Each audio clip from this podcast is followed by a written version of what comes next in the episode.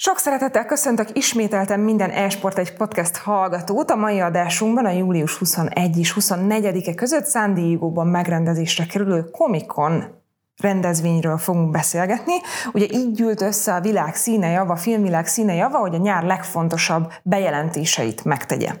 És ezekkel a bejelentésekkel és előzetesekkel kapcsolatban kértük fel Szírmai Gergelyt, többek között a Hollywood hírügynökség YouTube csatorna megalkotóját, illetőleg Péter Zoltánt, az Esport egy egyik szerkesztőjét, hogy kivesézzük, hogy mi is történt ez alatt a négy nap alatt is, és elmondhassák a véleményüket hogy miről mit gondolnak. Na hát az első kérdés, amit, amit így nagy általánosságban szerettem volna feltenni nektek, az az, hogy ti mit vártatok ettől, a, ettől az eseménytől? Mi, mi volt az a film vagy sorozat, ami, ami leginkább ö, megmozgatott titeket?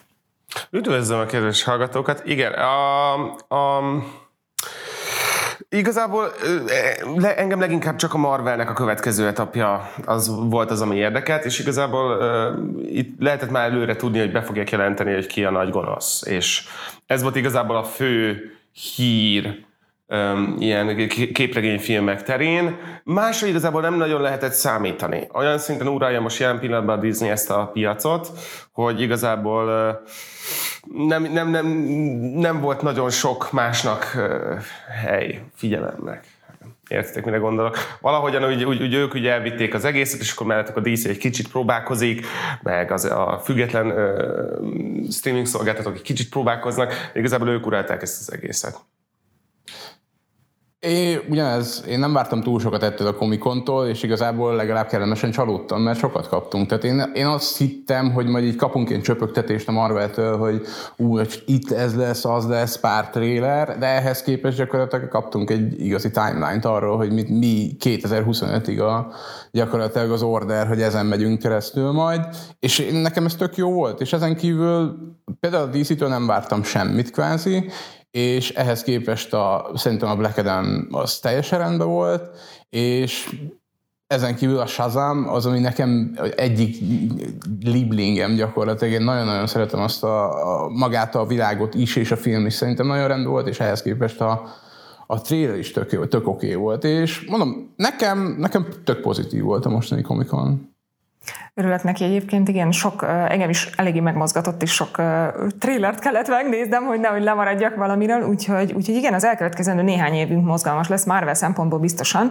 Hogy mi a helyzet a DC házán, kertjében és házatáján, azt majd, azt majd az adásban is ki fogjuk vesézni, de még, még az első témakör, ami, amit így bedobnék, az egy ilyen szent háromság lesz most.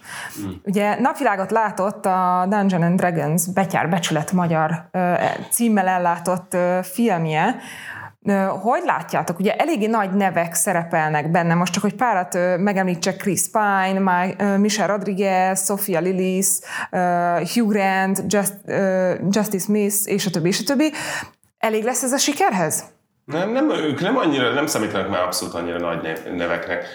Őszintén én már annak örülök, hogy nem akarnak ebből univerzumot építeni, vagy legalábbis ez nem látszott az első trailerből. Én, nagyon, én szoktam D&D-zni, tehát nekem, nekem ismerős ez a világ, és szerintem abszolút megérett arra, hogy filmes verzióban is bemutassák, de... Miért, miért látod így, bocsánat, ez a másik nagy kérdés, hogy, hogy miért most és miért egy D&D film? Most sikerült összeszedni a producereket. De semmi, semmi, semmi relevanciája nincsen. Ez szerintem egy teljes, teljes mértékben középoké elfogadható fantasy kaland lesz. Ez egyedül a neve miatt van felfújva, mert hogy a Dungeons and Dragons az egy nagyon régóta bejáratott márka, de nem úgy tűnik, hogy bármi nagyon kreatívat akarnak vele csinálni. Tehát ez egy szórakoztató filmnek tűnik. Én a Chris Pine-t nagyon szeretem, ugye általában szerintem a humor a helyén van,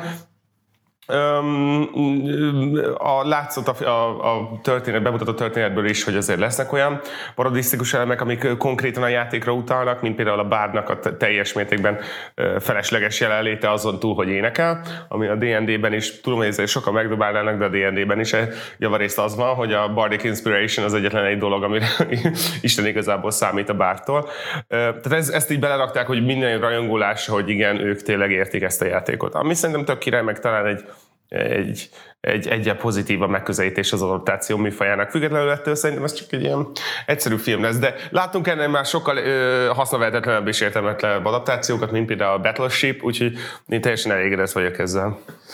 Nyilván egyébként nekem is, amikor még gyerek ebbe az időszakban éltünk, én is nagyon sokat szerepjátszottam. D&D nekem kevésbé volt, de ugye nálam nyilván a mágus volt az, ami, Azt, én is azt nyomtam. ami, is, ami én csapatta. Viszont 2000-ben ettől függetlenül volt egy D&D filmünk volt, a, amiben még az öreg Jeremy Iron szerepelt, meg a Marlon Wayans, és, és abban is volt egy történet arról, hogy a sárkányok elszabadulnak, legalábbis nem elszabadulnak, hanem létrehoznak egy újabb ilyen sceptert, amivel egy, a sárkányokat tudják irányítani, és az is egy teljesen jó ilyen kis film volt, ami, ami nem akart egyáltalán komoly lenni. Ami ugyanezt láttam egyébként ebbe a trailerbe is, és így én nagyon szerettem azt a filmet, és ha ebbe a filmbe lesz arra utalás, már pedig miért ne lehetne easter benne, akkor én így fogok ülni a képernyő előtt, és így potyogni fognak a könnyeim, hogy így nagyon jó, imádom, de jó, ebből a szempontból... Annyira, annyira alacsonyak már az elvárásaik az átlagos akciófilmekhez szemben. Hogyha nem lesz borzasztó, akkor, akkor potyogni fognak a könnyek. nem, viccek, de egyébként, hogy, hogyha, hogyha jó D&D filmet akartok megnézni, akkor a, hogy hívták a rockkal a, ezt a két részes Jumanji. Jumanji. Jumanji az egy, az egy kiváló Dungeons and Dragons adaptáció. A tematikájától eltekintve az, hogy a szerepjátékot hogy éli meg az ember, az ilyen normális, tehát ilyen papír alapú szerepjátékot. Arra egy tökéletes adaptáció, ez most jutott eszembe, most, hogy így mondtad, de, de az, az például egy meg, meglepően szórakoztató alkotás, és javarészt ez a lényege. Sőt, talán jobban bemutatja, mert én, én nem elégednék meg annyival, hogy, hogy, hogy ez, egy, ez egy utalgatnak a Dungeons and Dragons-re, és amúgy ez egy egyszerű kalandfilm. Nem, tessék valami kreativitást belevinni, vagy valahogy bemutatni azt, hogy a szerepjáték hogyan vetül le az emberek fejébe, és akkor, akkor már, na akkor fognak potyogni a könnyeim. Ha visszatérünk oda, hogy egy olyan, olyan közönségfilmeket tudunk látni rendszeresen mondjuk, amiknek önmagukon túlmutató értelmük van, és a plusz a zsigeri élményen túlmutatva valami többet is tudnak adni a nézőnek, én akkor, akkor fogom elsírni magam. De ez egy vágyálom. Odáig még, még talán kicsit kell fejlődnünk. Kell, kell, kell, kell. Igen. Az előzetes alapján egyébként valóban nagyon ígéretes a, a film. Chris Pine azért ott is megcsillogtatja már valamennyire a humorérzékét, úgyhogy ebből a szempontból bíztató az, amit, amit eddig kaptunk. De azért óhatatlanul is különböző videójáték adaptációs filmekről tanulva beszélni kell arról is, hogy, hogy mi van akkor, hogyha bukik ez a történet. És azért a D&D-nek eléggé nagy a közönsége. Hogy látjátok, van olyan tényező, aminek köszönhetően ez a film mondjuk nagyot bukhat? Szerintem ez ugyanaz lesz, mint a World of warcraft amikor kijött, hogy van egy olyan rétege a rajongóknak, akik úgy is el fog menni a moziba és meg fogja mm. nézni, mert D&D, mert rá van írva, hogy D&D, és igazából a, a, az egész filmnek a sikere abban rejlik, hogy ezek az első emberek, akik elmennek, mit fognak majd róla írni az interneten. És én is én el fogok menni megnézni, mert tudom, hogy érdekel maga a világ is, meg nyilván nekem, nekem fontos valamilyen szinten az, hogyha valamilyen szinten ez egy folytatása lesz az előző történetnek. Ha jó lesz, én fogok a legjobban örülni. Nem vagyok benne teljesen biztos, hogy ez, ez manapság már így van, hogy az interneten megjelenített vélemények annyira befolyásolják az embereket. Én magam, aki az interneten megjelenített véleményekben utazom, azt mondom neked elmondani, hogy alapvetően szerintem az emberek, akik, aki nem döntött el már előre, hogy megnézi, azoknál sokkal fontosabb a kulturális relevancia. Tehát, hogyha a film olyan minőségű, vagy olyan poénokat szül, amik, amiken keresztül a, az emberek, akik még nem látták, úgy érzik, hogy ez ez popkultúrai szempontból releváns lesz, akkor szoktak elmenni az emberek megnézni. Tehát a Morbius az azért lett például második eresztésében sokkal sikeresebb, mint első eresztésében, mert először ugye voltak Marvel rajongók elmentek, azért megnézték, de úgy nem lett jó, úgyhogy még a Marvel rajongók, én sem láttam. Marvel rajongók sem mentek el. Viszont az interneten olyan szinten elkezdtek terjedni azok a mémek, hogy, a, hogy mindent kicsértek Morbra, és ugye folyamat, egy iszonyatosan jó ilyen mémháló alakult ki a Morbius körül, ami halálosan szórakoztató volt. Olyan szinten ráadásul, hogy amikor újra mozikba rakták, akkor, akkor az emberek elmentek megnézni, hogy értsék a poénokat. De szerintem manapság inkább ez a, ez a netkulturális relevancia az az, ami motiválhatja az embereket, hogy megnézzék akkor is, akár hogy nem annyira jó. A Dungeons and Dragons rajongók szerintem még mindig nagyon kevesen vannak. Főleg akik praktizálnak olyan szinten, hogy számukra ez a film ez, ez, ez, ez érthető legyen, és ilyesmi. Én, én a, a, a, a, azért szurkolok, hogy a puszta szerkezeti felépítésen túl a, találjanak egy olyan forgatókönyvírót, aki esetleg valami extrával tudja megspékelni a dolgot. Az első Jumanji megint csak visszautalva. Az első Jumanji azért volt nagyon jó, mert megvolt a szerkezet, ugye folytatjuk az eredeti Jumanji-t, illetve azt tovább gondoljuk, megvoltak a sztárok, ezek a sztárok fognak benne szerepelni, de az írása, és az, ahogy alakították a karaktereket, ez kifejezetten kreatív volt, frissnek hatott, és úgy látszott, hogy valakit engedtek ott érvényesülni az írószobában. Szerintem ez, ez, ez az, ami ezeknél a közönségfilmeknél borzasztóan fontos, hogyha az ember nem olyan zseniális, mint a Spielberg, meg ilyenek, akik feltalálták a közönségfilmet, akkor, akkor engedni kell valami kis extra ízt adni neki a rengeteg ilyen, ilyen megalapozott sablonon túl. És akkor jó lesz. Említetted, hogy szerinted a D&D rajongói bázis az, az uh-huh. szűknek mondható, Abszolút. kicsinek mondható. Mi van azokkal az emberekkel, akik mondjuk annyira nem járatosak a szerepjátékok világában, vagy egy kicsit ne adj Isten furán szemlélik ezt a közösséget, szubkultúrát, uh-huh. ők vajon ezáltal a film által, hogyha elmennek rá, közelebb kerülhetnek ehhez a világhoz? Csak azon múlik, hogy benne van-e a Dungeons and Dragons című filmben maga a Dungeons and Dragons játék. Uh-huh. Csak azon múlik. Tehát azon, ez nem ismételgetem magad, hogyha van benne valami kis extra játék a kapcsolatban, akkor meghozhatja a kedvüket, amúgy ez egy átlag fantazi lesz. Uh-huh. Pontosan ezt akartam én is mondani, hogy ez egy, szerintem egy sima klasszikus fantazi lesz, ami egyébként, mint a, a Viló érkezik majd most ugye a Disney Plus-ra, ami szintén egy ugyanilyen gyönyörű fantazi történet volt, ami uh-huh. gyerekkoromnak az egyik kedvence volt annó, és én nem várok többet ettől a D&D-től. Én nem mondom azt egyébként, hogy e, egy filmnek olyan hatalmas hatása lehet arra, hogy emberek leüljenek egy asztalhoz és szerepjátszanak, mert szerintem ahhoz gyerekkorban kell leginkább egy motiváció benned. Nyilván el lehet kezdeni felnőtt korban is, nem erről van szó, de nem tudom, sokkal nehezebb lenne de szerintem beleugrani egy vaskos törvénykönyvbe 30 évesen, mint mondjuk 14 évesen. Én ezt azzal cáfolnám, hogy az nemrég jött ki az Arcane nevű sorozat, aminek fel, minimális mikromilliméter méretű köze volt a LOL világához. Karakterek voltak benne. És így megugrott a játszó, ját, játékos szám utána. Pedig, pedig, a, jó, nyilván azok aztán, aztán abba hagyták, mert megértették, hogy a LOL az nem játék, hanem rabszolgaság, de de lehet, tehát hogy én a kulturális relevancia múlik. Mm. Tehát szerintem abszolút, azért azok a vaskos törvénykönyvek, azoknak az a lényegük egyébként sok szempontból, hogy vaskos törvénykönyvek. Én borzasztóan élveztem a mágusnál, hogy így, puh, így le lehetett tenni az asztalra a rengeteg könyvet. Ez egy fajta élmény. Hogyha ezt az élményt pozitívet teszik a nézők szemében, akkor, akkor szerintem nem a könyvek fogják őket távol tartani. A, a Dungeons and dragons az a baj, hogy sokan kellenek hozzá, és nagyon nagy időbefektetés, mert megtanulni nem nehéz. Te, te, te D&D-zel? Vagy vágod én, a én nagyon kevés D&D-t játszottam, én sokkal inkább D6 meg D20 rendszereket játszottam mm. Star Wars-ba is, meg így hogy nekem a D&D volt a legkevesebb. A D&D, igen, tehát az ötödik kiadású D&D az hála Istennek már egy játszható formula, nem a harmadik kiadás, ami borzasztó, és majdnem a teljes játéknak a halálát okozta. Az ötödik, ötödik kiadás, ami most megy, az arra lett kitalálva, hogy az emberek meg is tudják érteni a játékot, és esetleg néha jól érezzék magukat benne.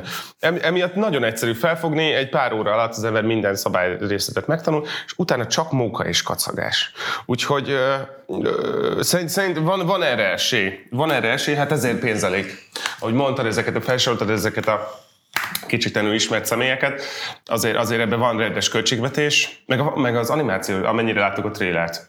Szóval az animációs minőség az nem rossz, Úgyhogy simán lehet. Simán lehet. Én úgy általában pártolok minden olyan dolgot, amikor egy szubkultúrára egy kicsit nagyobb fény vetül a, annak idején a, a Dogtown című uh, nem, Z-Boys. Mi volt annak a játékfilmnek a címe, amiben az Emil Hirsch szerepelt?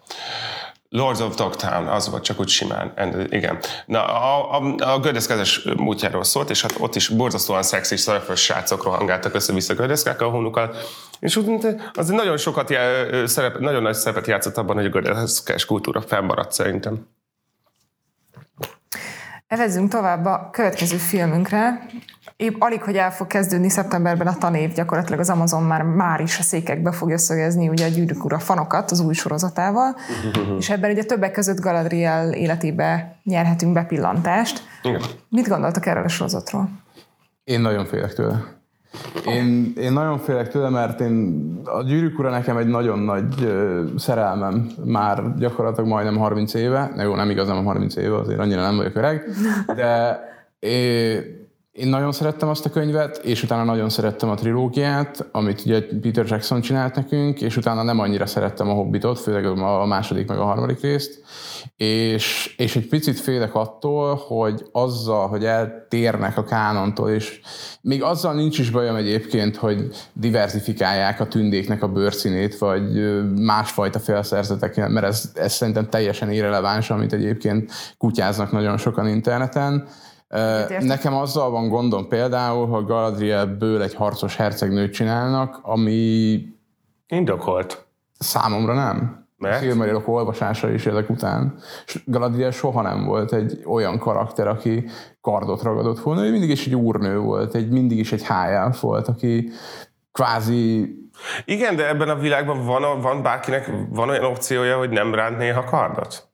Azért a Valinor tündéknek van akik visszajutottak Valinorba, már pedig bár mondjuk jó, ez igaz, Galadriel nem jutott vissza, ő a középföldén maradt, majd később ment vissza. A fucking gyerekek, gyerekeknek kardot adnak a gyűrűkorában, ez az egyik legtragikusabb jelent. Na mindegy, te jobban ismered a háttérsztorit, én ebben biztos vagyok, de szerintem az, az, az helyén van. Galadriel engem mindig olyan, annyira megijeszte. Félelmetes karakter. Igen, szóval, hogy te aggódsz tőle. Bocsáss meg, közbevág. E, ennyi igazából ne, megadom neki nyilván a lehetőséget, mert nyilván gyűrűk ura lesz, és lehet belőle jót csinálni. Vannak dolgok, amiket nagyon nem szerettem a marketing kampányba, főleg ebbe a, ez a szuperfanos uh, YouTube-os uh, sorozatok, amiket végigcsináltak, ami szerintem borzalmasan cringe volt, és ez miről beszélsz? Nem tudom, hogy ez mit csinál. Volt egy, volt egy ilyen szuperfan kampány, amiben kvázi teljesen, teljesen divers, úgymond rasszú emberek voltak benne. Tehát Jaj, kit sajta. érdekel? Nem ez a lényeg. Miről szólt a kampány? A kampányban nekem az volt a nagyon nagy gondom velük, hogy Igen. minden egyes videóban, ami mondjuk legyen angol-amerikai, abban megkérdeztük hogy mit vársz a legjobban a, a, az egésztől, és akkor representation, more diverse representation. És így annyira nem érzem, hogy ennek alapvető dolognak kellene lennie egy gyűrűk urában, Szerintem nincs szükség ezt kiemelni. Ó, abszolút szükség van kiemelni. Mondok erre egy remek történetet, és, és ezt már 46 hat helyen beszéltem róla, hogy engem ezért idegesít ez ennyire, bocsássatok meg. 46 helyen beszéltem róla a Miss Marvel sorozat kapcsán, hogy mindenki izé írta, hogy ez milyen jó, hogy pakisztáni ott a család, és milyen jó muzulmán reprezentáció. És természetesen a reprezentációra senkinek nincs szüksége, aki reprezentálva van. Tehát aki, aki meg van jelenítve rendszeresen és részletesen, az természetesen annak nincs semmi szüksége további reprezentációja más rasszokat illetően, mert az ő történet el van mesélve. A Miss Marvel kapcsán egy kislány írta be az egyik komment szekcióba fő oldalon, hogy ő nagyon örül ennek a sorozatnak, mert végre megtudta, hogy a Marvel világban vannak muzulmánok. Mert ez előtte nem volt egyértelmű. Nem lehetett tudni. Nem volt sehol megjelenítve, hogy ők léteznek a Marvel univerzumban. Ő most már jobban benne érzi magát azáltal, hogy ezt elmondták neki. Tehát a reprezentáció pusztán erről szól, hogy bizonyos kultúrákból bele tudják képzelni magukat a kisgyerekek, meg, a, meg a, akár idősebbek is abba a világba. Ö, Szerintem, szerintem a gyűrűk uránál fehérebb és férfibb dolog egyébként az eredeti filmeken kívüli. Az eredeti filmekben két nő van. 46, 46 férfi. Tehát, hogy most már, most már arra nem mernek beszólni, hogyha nője a főszereplő, mert azt, azt most már nagyon eltolták, de szerintem az is sok, sok ember zavar. De a reprezentációnak nem az a lényege, hogy, a, hogy, hogy, hogy, hogy, hogy az fájdalmi pont legyen azoknak, akiknek nem egyezik a bőrszíne, hanem hogy egy örömteli dolog legyen azoknak, akiknek viszont egyezik. Szerintem a gyűrűk urábra tökre belefér, függ, nem, de nem tehát nyilván nem arról fog szólni a történet, hogy felfedik a hőseink, hogy hogy Sauron fekete és mozgássérült és leszbikus. Tehát nem ezzel a fő, fő történettel. Azt meg tudnám érteni, hogyha ilyen szinten átírják a kánont, egészen biztos vagyok benne, hogy Sauron nem volt mozgássérült. Tehát, hogyha ez, az megértem, hogy az embereket zavar. De én olyan szinten unom ezt a nyávogást a reprezentáció miatt, hogy ez nem igaz, mert ez Tök mindegy. Ez akinek szól, az, az örül, akinek nem szól, annak meg tök mindegy. A cél az, hogy jó legyen a sztori. Tehát szerintem nem amiatt kéne nyelvogni, hogy, hogy, hogy milyen bőrszínű a ki, ki micsoda, mert nagy lelkű, hogy azt mondjuk, hogy ez nem érdekel minket, de hogy ez nem is feladatunk, hogy egyáltalán érdekeljen. Amiatt kéne nyelvogni, hogy a casting például szerintem borzasztó. Tehát a Galadriel az nem hiteles számomra, mint harcos hölgy, és hogyha tényleg tényleg be akarják vonni ez, ami szerinted nem feltétlenül helytálló, hogy ő, ő egy ilyen battle, battle maiden volt. Ez, számomra abban nem hiteles ez a főszereplőnő. Én emiatt aggódok rettenetesen. Nem megfelelő karakterisztikájú hölgyet választottak a főszerepbe. Szerintem nem fogja tudni fenntartani az én hiteles figyelmemet egy, egy szezonon keresztül. Tehát az ilyen dolgok miatt annyira érdemes aggódni, mert ezek a, az egész történetnek az integritását, meg alapvető élvezeti értékét veszélyeztetik. És egy, egy pillanatra, pillanatra nem egy másodperc nem ront el semmit az, hogy valakinek a pigmentáltabb a bőre, mint a többieknek. Na, ez volt az én kis beszédem. De, de borzasztóan ebből, ebből kitekerve én, én tökre várom, de én csak úgy várom a sorozatot, és hogy megnézzük, hogy milyen. És nem vagyok hajlandó részt venni abban a értelmetlen károgásban, ami ez előtt történik. Nekem se azzal van bajom igazából, hogy most a bőrszín legyen. Nekem azzal van bajom, hogy ezt, ezt fel se kéne hozni egy gyűrűk urában. Tehát számomra, számomra a gyűrűk ura a világa az azt jelenti, a tökéletes pontjait jelenti, hogy barátság, lojalitás, hősiesség, becsület, és így tovább. És az egy olyan világ, ahol szerintem nem lenne szabad rasszizmusnak lennie. És nem is nagyon van. Hogy ne, hogy ne lenne rasszizmus? Van. Hogy ne lenne Nyilván a gonosz oldalon van. Ö, öt rassz küzdet egymással az egyik csatában. És, Nyilván az öt nemzet csatája, ez így. Igen. Persze. De ettől függetlenül, tehát arról az oldalról nézem, hogy ha van egy van egy, abban a világban egy normális világnézet, amit mondjuk képviselnek a rohaniak, képviselnek a, a gondoriak, és itt nyilván nem arra gondolok, hogy most Denethor alapvetően egy, alapvetően egy fajgyűlölő mm. valami, mm. de, de a, kar- a karakterek, akik vannak benne, főleg legyen, legyen az, hogy Aragorn karaktere, Értem. E, ők soha nem jelen, merült fel náluk, hogy, hogy szükség lenne arra, hogy ki kell emelnünk, hogy ennek a karakternek milyen bőrszín. Nem kell kiemelni. Nem emelik ki. A, a marketing kampányban le azért szerepel, hogy elhitessék az emberekkel valamit, ami abszolút nem egy, még egyszer, abszolút nem egyértelmű, hogy ez a gyűrűk ura, ez nem csak fehér férfiakkal lesz tele, mert eddig javarészt fehér férfiakkal ez volt tele. Azért, azért húzzák fel erre a média kampányt, ennek két oka van. Egyrészt azért, mert ez nem egyértelmű, másrészt azért, pedig, mert minden termékgyártó cég az új piacokat keres, hogy maximalizálni tudja a profitját. Ez nem az, nem művészeti szempontból emelik ki, marketing szempontból emelik ki, hogy a minél több kultúrkörből vonzanak be embereket a gyűrűk ura világába. És hogyha emellett vagyunk, akkor végérvényesen ez azt fogja eredményezni, hogy több ember fogja szeretni a gyűrűk urát, ami egy hasznos dolog, mert egy kiváló irodalmi termék. De hogy egy középkori settingben legyen ez egy fantazi világ, nincs fajgyűlölet, és, és ez, ez a téma, ez egy felvetetetlen dolog, abban nem értek egyet. Mert ha megnézed a leggyönyörűbb fajgyűlöleti történet a, a Legolász és a Gimlinek a története. Akik genetikai alapon gyűlölték egymást, semmi közük nem volt egymáshoz azon túl, hogy az egyiknek üzé, csúcsos a füle, a másik meg alacsony. És egy fantasztikus történetük, nekik gyakorlatilag az a, a kulcs, kulcs izéjük, hogy két kultúrkör, akik gyű, automatikusan gyűlölik egymást, azok hogy tudnak egymásra találni.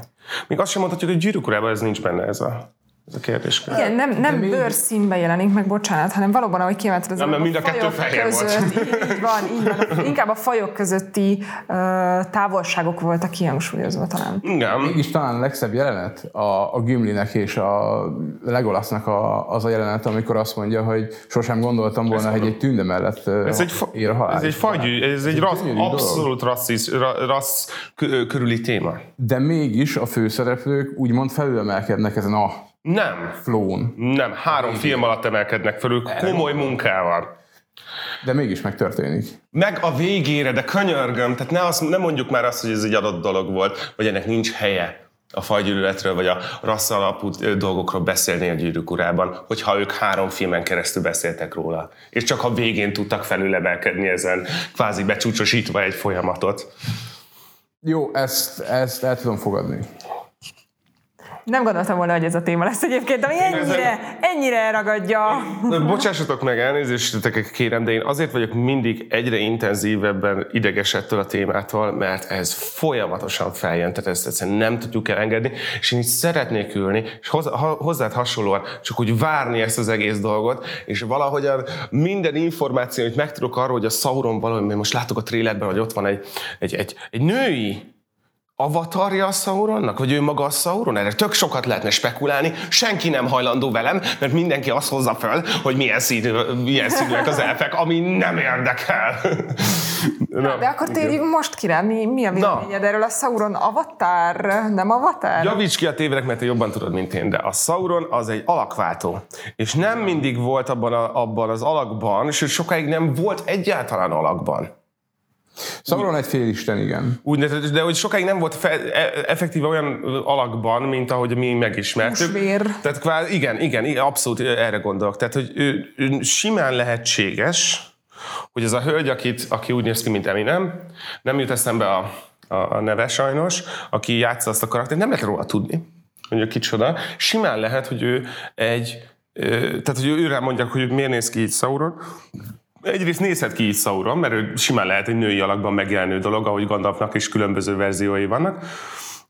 Simán lehetne, másrészt pedig lehetséges, hogy vannak avatarjai? Nem tudom, te akkor vágod a háttérsztorit. Sauron, Sauron ugye a, egyik, a fő gonosznak az egyik hadnagya. Tehát a fő gonoszt úgy hívják, hogy Melkor vagy Morgot. Ő, ő ugye az egyik istenség, aki Illuvatarnak a gyermeke gyakorlatilag, és több történetben benne van Sauron, és igen, ő végig alakváltó, képes felvenni szörnyetekeknek az alakját, mm. farkasoknak, sőt, van egy hatalmas harc egyébként közte meg Beren között egyébként, Beren és Lúthien történetében, amikor Sauron az egyik, aki megállítja őket, miközben vissza akarnak ugye lopni egy Silmarilt Morgotnak vas, vaskoronájáról, uh-huh. és bármi lehet. Sauron ő az áltázás mestere, meg a gyakorlatilag az átverés mestere volt. Ő is mindig mindenkit. Tehát lehetne ő egy nő?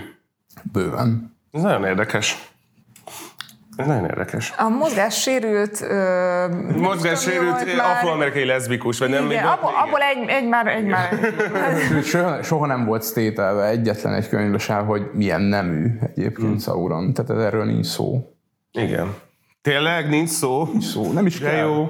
De, de ilyen alapon, tehát Gandalfnak sincs igazán kimondva, hogy ő kicsoda. Ő is, ő is egyébként félisten, és őnek is sincsenek a nemi dolgai elrendezve, hogy már pedig ő férfi.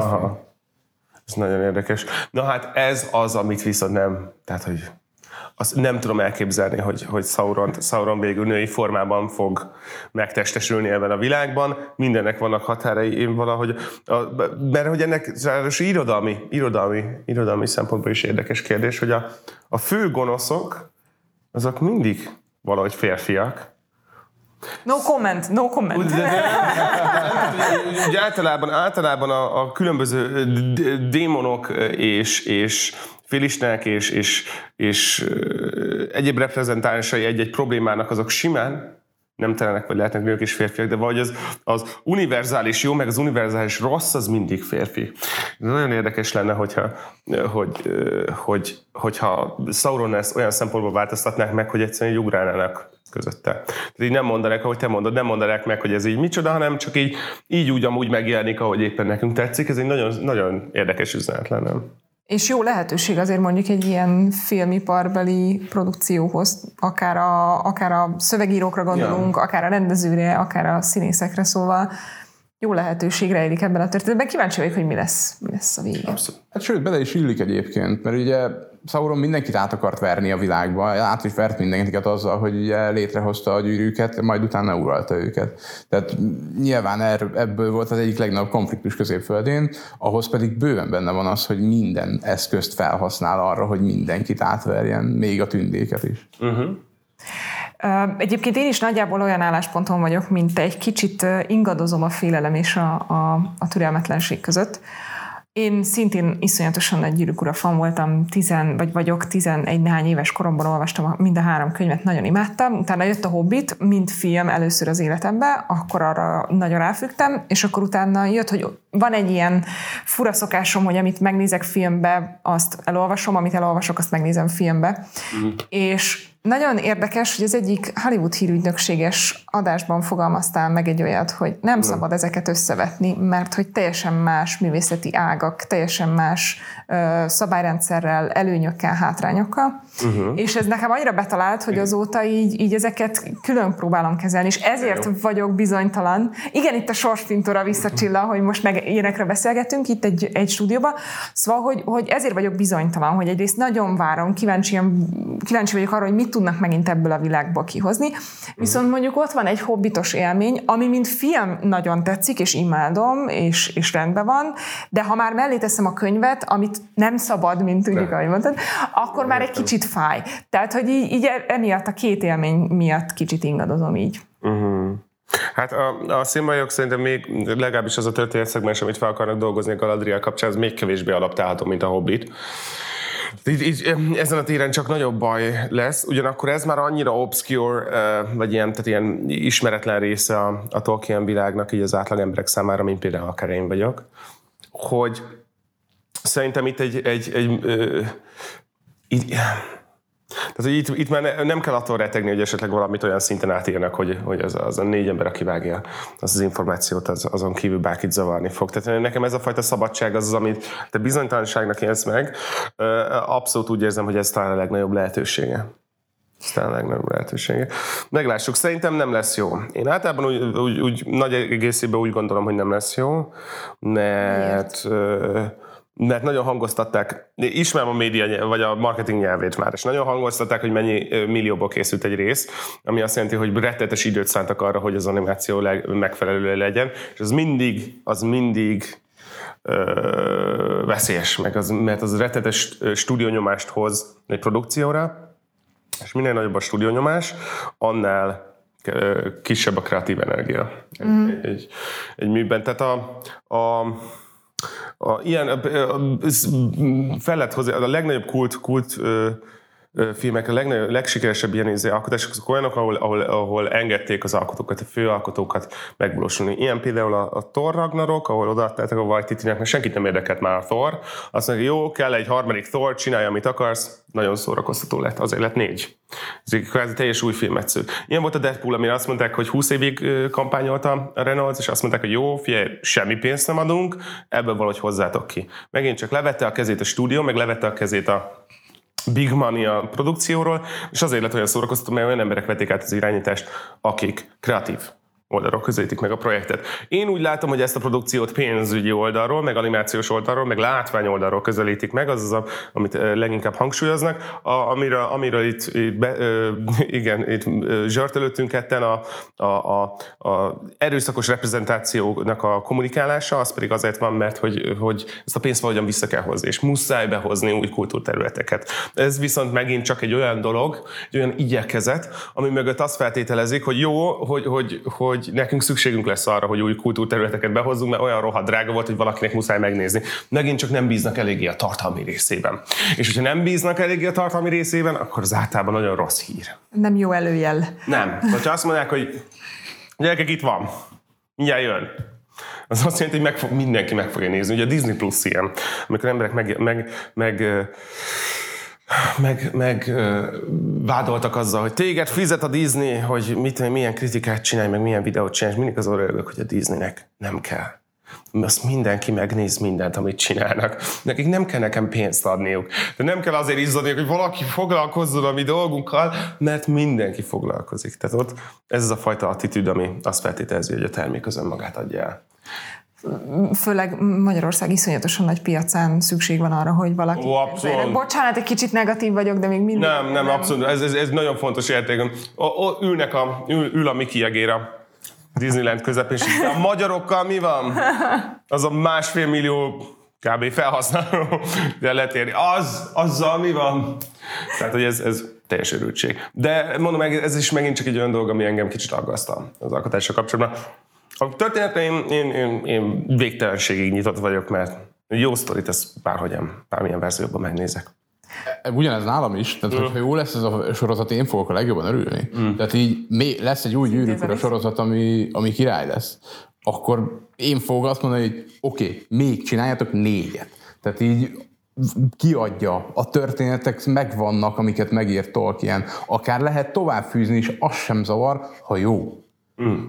De ha nem jó, igen, és ezt a, ezt a kérdést, vagy bizonytalanságot még az is egy kicsit táplálja, hogy most javítsatok ki, ha rosszul emlékszem, meg nem is fogom tudni szó szerint idézni, de hogy magában a trailerben is, vagy az előzetesben is nem a megszokott szövegben ugye, hogy uh, Tolkien könyve alapján, hanem egy még tágabb megfogalmazás van, hogy az ő történetei alapján talán valami mm-hmm. ilyesmi szerepel Igen, ez volt benne. Szóval nekem még ez is egy kicsit így táplálja ezt a félelmemet. Nem merik azt mondani, hogy a Silmarillok alapján, mert akkor az emberek elolvassák, megpróbálják elolvasni ezt a totálisan olvasatatlan könyvet, és akkor nem fognak elérni megnézni. Az így, úgy értem, hogy tehát az nem, nem, nem a egy tradicionálisan élvezhető könyv, mint a többi gyűrűk ura. Mondom ezt úgy, hogy az első, az első gyűrűk ura, de a Fellowship of the Ringnek az első mondjuk 100-200 oldala az olyan eszeveszett unalmas, és lassan induló, és monoton, és, és érdektelen, hogy már az egy kihívás, de minden jó műnek vannak ilyen szegmensei. Az öreg Tolkien ezt tudott táj írni. Abszolút. Oldalakon keresztül, de hihetetlenül. És a, és a Silmarilok az még egy rátesz. Tehát az, amikor így elkezdesz olvasni egy könyvet, és 150 oldalon keresztül nincs benne párbeszéd. Ja, ja, ja, ja. És így mi? Hát nekem a listámon van, de most nem, nem hoztátok meg a kedvemet, hogy elolvassam. Gyönyörű, gyönyörű, mert nagyon-nagyon szép az egész, és nagyon-nagyon sok mindent kvázi rájössz, hogy na akkor ez azért van, Aha. meg akkor az azért van, Aha. és ezek nagyon faja dolgok, de nagyon nehéz. Tehát így nem tudom, egyik irodalom tanáromnak volt egyik mondás, amikor a Kertész Imnének olvasta a sorstalanságot, hogy Juditka itt van, beszek négy tábla csokit, és akkor olvassál még tíz oldalt, és akkor ehetsz csokit, mert ő ennyire nem szerette a sorstalanságot. Uh-huh. Ugyanezt szerintem hozzá lehet tenni a Silmarilokhoz is, hogyha valaki hozzák ezt Viszont van egy pont egyébként, amikor így átfordul a mutató, és utána nem tud letenni. Mm. Tehát amikor elkezdenek a, a nagy háború, amikor kiderül, hogy mik azok a szilmarilok, amikor, amikor megjelennek a... Meg Beren Lúthien története, az szerintem azt mindenkinek olvasnia kell. Az talán az egyik legszebb szerelmes történet, amit valaha leírtak könyvbe. Én nagyon-nagyon szerettem azt. És, és pont ez az, amiért nagyon félek tőle, mert én nekem a, a Silmarilok, azt, azt szerintem nagyon sokban adott nagyon sokat a gyűrűk világához, mm. és nagyon-nagyon szép történetek voltak benne, és hogyha ezt most nekem elrontják... Marcos leszel. Igen. Hát erre mindig azt érdemes ilyenkor észbe tartani, hogy elrontani nem tudják. Elvenni az élményeket nem tudják tőled, max nem sikerül újat adni. Ez nem szeretem, amikor a Star Wars rajongók képesek erre egy folyamat, az is egy folyamatosan nyavalgó bagázs, és nagyon sokáig a, a, én, én egészen a midi aktívan a részük voltam, vagy a tagjuk voltam, hogy ők tudják, ez elrontották el, mit rontottak el? Azt a gyerekkori élményt, amikor ott ülsz és VHS kazettáról nézitek a filmet, és izé, a szar magyar szinkronnal, és ott tapsoltak, hogy mennyire fantasztikusak azok az abszolút nem fantasztikus fénykart párbajok. Azt rontották el? Nem. Az otthon melegének érzését és a forró kakaót vasárnap reggel, azt se rontották el. Akkor mit rontottak el?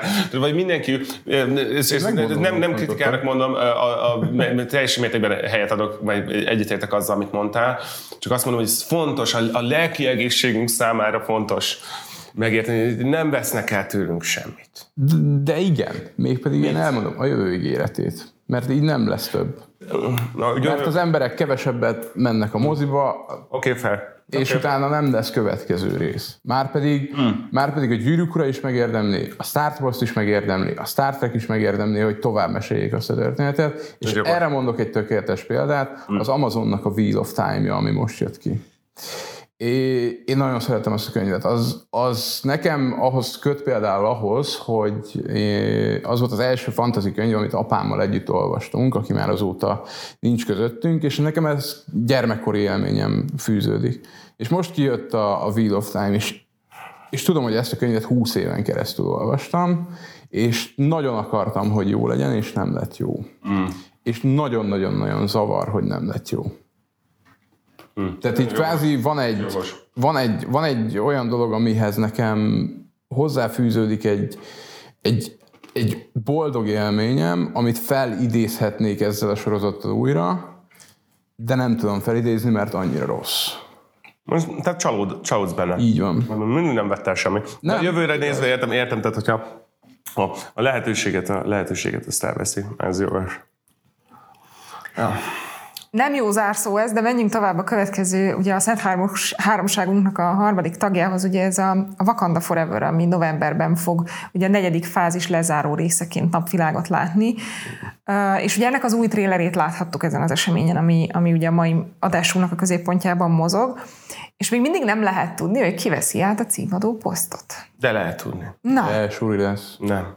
Hogy hívják a saját? Monger. Nem, hogy hívják a saját a... Igen, ez a két pletyka van, hogy vagy a húga veszi át, nem vagy a, a vagy ez egy túlságosan, túlságosan jó karakter, és abszolút nem az a fajta karakter, aki szuperhőssé válik. Ő egy mhm. side karakter, aki addig szórakoztató, ameddig nincsen központban. Lásd, Jack Sparrow, uh-huh. aki addig volt élvezetes karakter, ameddig nem ő volt a főszereplője a filmeknek. A suri, tehát a forgatókönyvírói szempontból nincs logikája egy mellékszereplőt ö, megtenni a, a teljes központtal, a uh-huh. központi figyelemnek, mert az ő karaktere, az ő energiája, az ő fajta humora, az ilyen pattogós kis izé, görcsös izé, az pont arra jó, hogy valamit e, egy, egy központi főszereplőt, főleg valakit nagyon komoly, ugye, mint a T'Challa volt, őt ellensúlyozza. Melyik szereplőknek ez a pozíció, hogy valamilyen szinten oldják azt a központi, központi rendszert, amit a főszereplő képvisel. Na most a Suri, hogyha ő képzeld el, hogy ezt a, ezt a ezt kéne hallgatni két órán keresztül, mindenki, mindenki saját magát folytaná a vízbe. Tehát ez elviselhetetlen. A, a, én úgy gondolom, hogy a hogy hívják a barátnőjét, nem tudom. Nekem sem jut eszembe egyébként. Ő lesz. Tudjuk, hogy kire gondolunk. Igen. Ő egy hasonló, hasonlóan komoly karakter, mint a T'Challa volt. Ö, ö, tökéletes csere. Mit szólnál ahhoz, hogyha visszahoznák Killmongert, és ő redeemelné magát? Volt, a Vativben volt erről szó. Yep. Nem érdekel. Pedig nem érdekel. volt Killmonger. Nagyon, jó, nagyon, volt. nagyon jó volt, mint gonosz. Nagyon jó volt, mint gonosz, és nagyon fontos ö, ö, kulturális szempontból nagyon fontos üzeneteket közvetített tehát ő neki modern Amerika szempontjából egy rettetesen fontos állásfoglalása volt, és jól mutatta be a film, hogy ez miért nem helyes, ez a fajta militáns megközelítése az a, a, a valós társadalmi problémáknak. Ha az ő halálát visszavonják, annak Multiverzumban. Semmi értelme nem lenne. A multiverzum az ezért egy szar koncepció, mert így minden súlyát veszti. Így van. Minden. Sokan mondták, hogy ez lesz a következő nagy gonosz, hogy valaki, aki a multiverzumot fogja abajgatni. Nem hiába az volt a Marvel változó időszakának a, a témája, mert most el lehetett játszani egy rakás gondolatot, vagy ki lehetett próbálni egy rakás dolgot, amit aztán le lehet kakilni. Mert nem kell vele foglalkozni soha többet. A multiverzum az egy rettenetes, rettenetesen nagy szabadságot adó és borzasztóan ö, kártékony ö, írói eszköz. Mert mivel mindent lehet, ezért semmi nem számít. Úgyhogy ö, én nagyon remélem, hogy, hogy nem hozzák vissza a Killmongert, nagyon-nagyon remélem, nem kell. Hogy hívják? Nem tudtam meg. hát próbáltam igen közben az internet segítségével, de annyira elterelődött a téma, hogy, hogy feladtam. Nem, nem. De akkor én, folytatom a keresést. Nem, nem, nem folytasd. Addig, én, én, én mondjad, mondjad közben, igen. Csak kér, hogy fejtsd ki, hogy miért gondolod, hogy pont ő az, aki mondjuk mint karakter alkalmas lenne arra, hogy, hogy átvegye Csala helyét, ugye? Azért, mert ö, nagyon hasonló karakter. Nakia? Lehet Nakia. Nakia. Nem, de Nakia. nem, de? De, de Nakia. Igen. Azért, mert ő egy nagyon-nagyon hasonló karakter, tehát kvázi tudják folytatni a karakter, megjelenített karakter kérdésköreinek feldolgozását. Tehát egy royális, gazdag, de visszahúzódó kultúrából és családból származó karaktert bedobunk a világba, ő neki van egy, egy olyan megközelítés, egy olyan rálátása, olyan filozófiája, az életre, ami nagyon-nagyon tápláló, meg érdekes, meg izgalmas, ugyanakkor valószínűleg borzasztó snob és a valóságtól elrugaszkodott. Ugye erről, erről a konfliktusról szól a Killmongerrel és a a küzdelme. Tehát itt rengeteg dolgot lehet még ezzel a fajta, ezzel a típusú karakterre feldolgozni. Ezért, hogyha Marvel nem akkora barom, mint a, Disney, mint a Disney volt, amikor a Star Wars-okat új, új trilógiát csinálja, és nem azt mondja, hogy meg volt az első film, most mindent kidobunk, és valami újat próbálunk kitalálni, hanem folytatni akarják, valami, amit a trailerben látunk, hogy így van, akkor a karakternek az ívét is, a karakternek az a központi értékeit is folytatni kell. Úgyhogy szerintem ezért lesz Nakia. Alapvetőleg az ő jellemük ugye azért voltak szerelmes pár, az ő jellemértékeik között a különbség az elhanyagolható. Egyik nőből van másik férfiból, ami semmit nem jelent, főleg egy olyan franchise-ban, ahol most láthattuk, hogy a javarészt a cast az nőkből áll. Ami állati király. Mert az első Black Panthernek a legjobb része a nők voltak leges legjobb része, az, amikor ők, ő, amikor megölték, vagy így, így tehát hogy, hogy megsebezték a, a csalát, és ő eltűnt, és a nők azt mondták, hogy jó, akkor, akkor most megoldjuk a dolgokat, és elkezdtek a diplomácia útján fantasztikus előrelépéseket tenni, és úgy irányítani a belpolitikát, hogy az, az ő irányba imádtam minden másodpercet. A királynőt imádom, okolyét, imád, mindenkit imádunk. Tehát én, én nagyon-nagyon szeretem ezeket a női karaktereket, nagyon-nagyon eredményesek és, és jól implementáltak, és fantasztikusan megírtak, úgyhogy én nagyon-nagyon-nagyon várom. Az egy legjobb, Mar- leginkább várt Marvel filmem. Nekem soha nem volt, azt mondom, hogy a, a top háromban nekem a Black Panther sokkal jobb. Nekem a nyilván én klasszikus oldalról tudom megközelíteni a dolgokat, és nekem máig a, a kedvenc karakterem az Iron Man lesz, és ezt valószínűleg semmi a életben nem fogja megváltoztatni. Mm. Ettől függetlenül nem volt gondom a Black Pantherrel, szerintem oké okay volt a történet, viszont én sokkal jobban szerettem az Avengers-be őt, illetve őket, mert ott volt igazán erős úgymond szerepe a vakandai embereknek az utolsó csatában, ami szerintem valaha volt legjobb szuperhős csata volt a polgárháború óta, és, és ott bizony nekem az teljesen jó volt. Ha azt, a, azt az egészet tudják hozni, ami ott nekem volt élmény, akkor én azt mondom, lehet ebből jó film. Mi tetszett a csatában nekem? Öm, erre, arra gondolok, hogy például a, a karakter volt az, aki ugye vitt tovább a kesztyűt, és mégis ő volt az egyik, aki tovább pörrentette a, a, a cselekményt, és mégis tovább tudott menni, és ők voltak a derékhad gyakorlatilag a, ugye a szorszererek mellett. Uh-huh.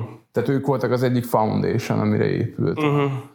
az end csata amikor ugye azt mondták, hogy jó, itt van, ebbe a pillanatban mi megmutatjuk, hogy mi vagyunk Vakanda, mert onnantól kezdve tudták, hogy ők a, onnantól kezdve mindenki tudni fogja, ja, ja, ja. honnan jöttek. Igen, igen, tehát ez a fontos volt.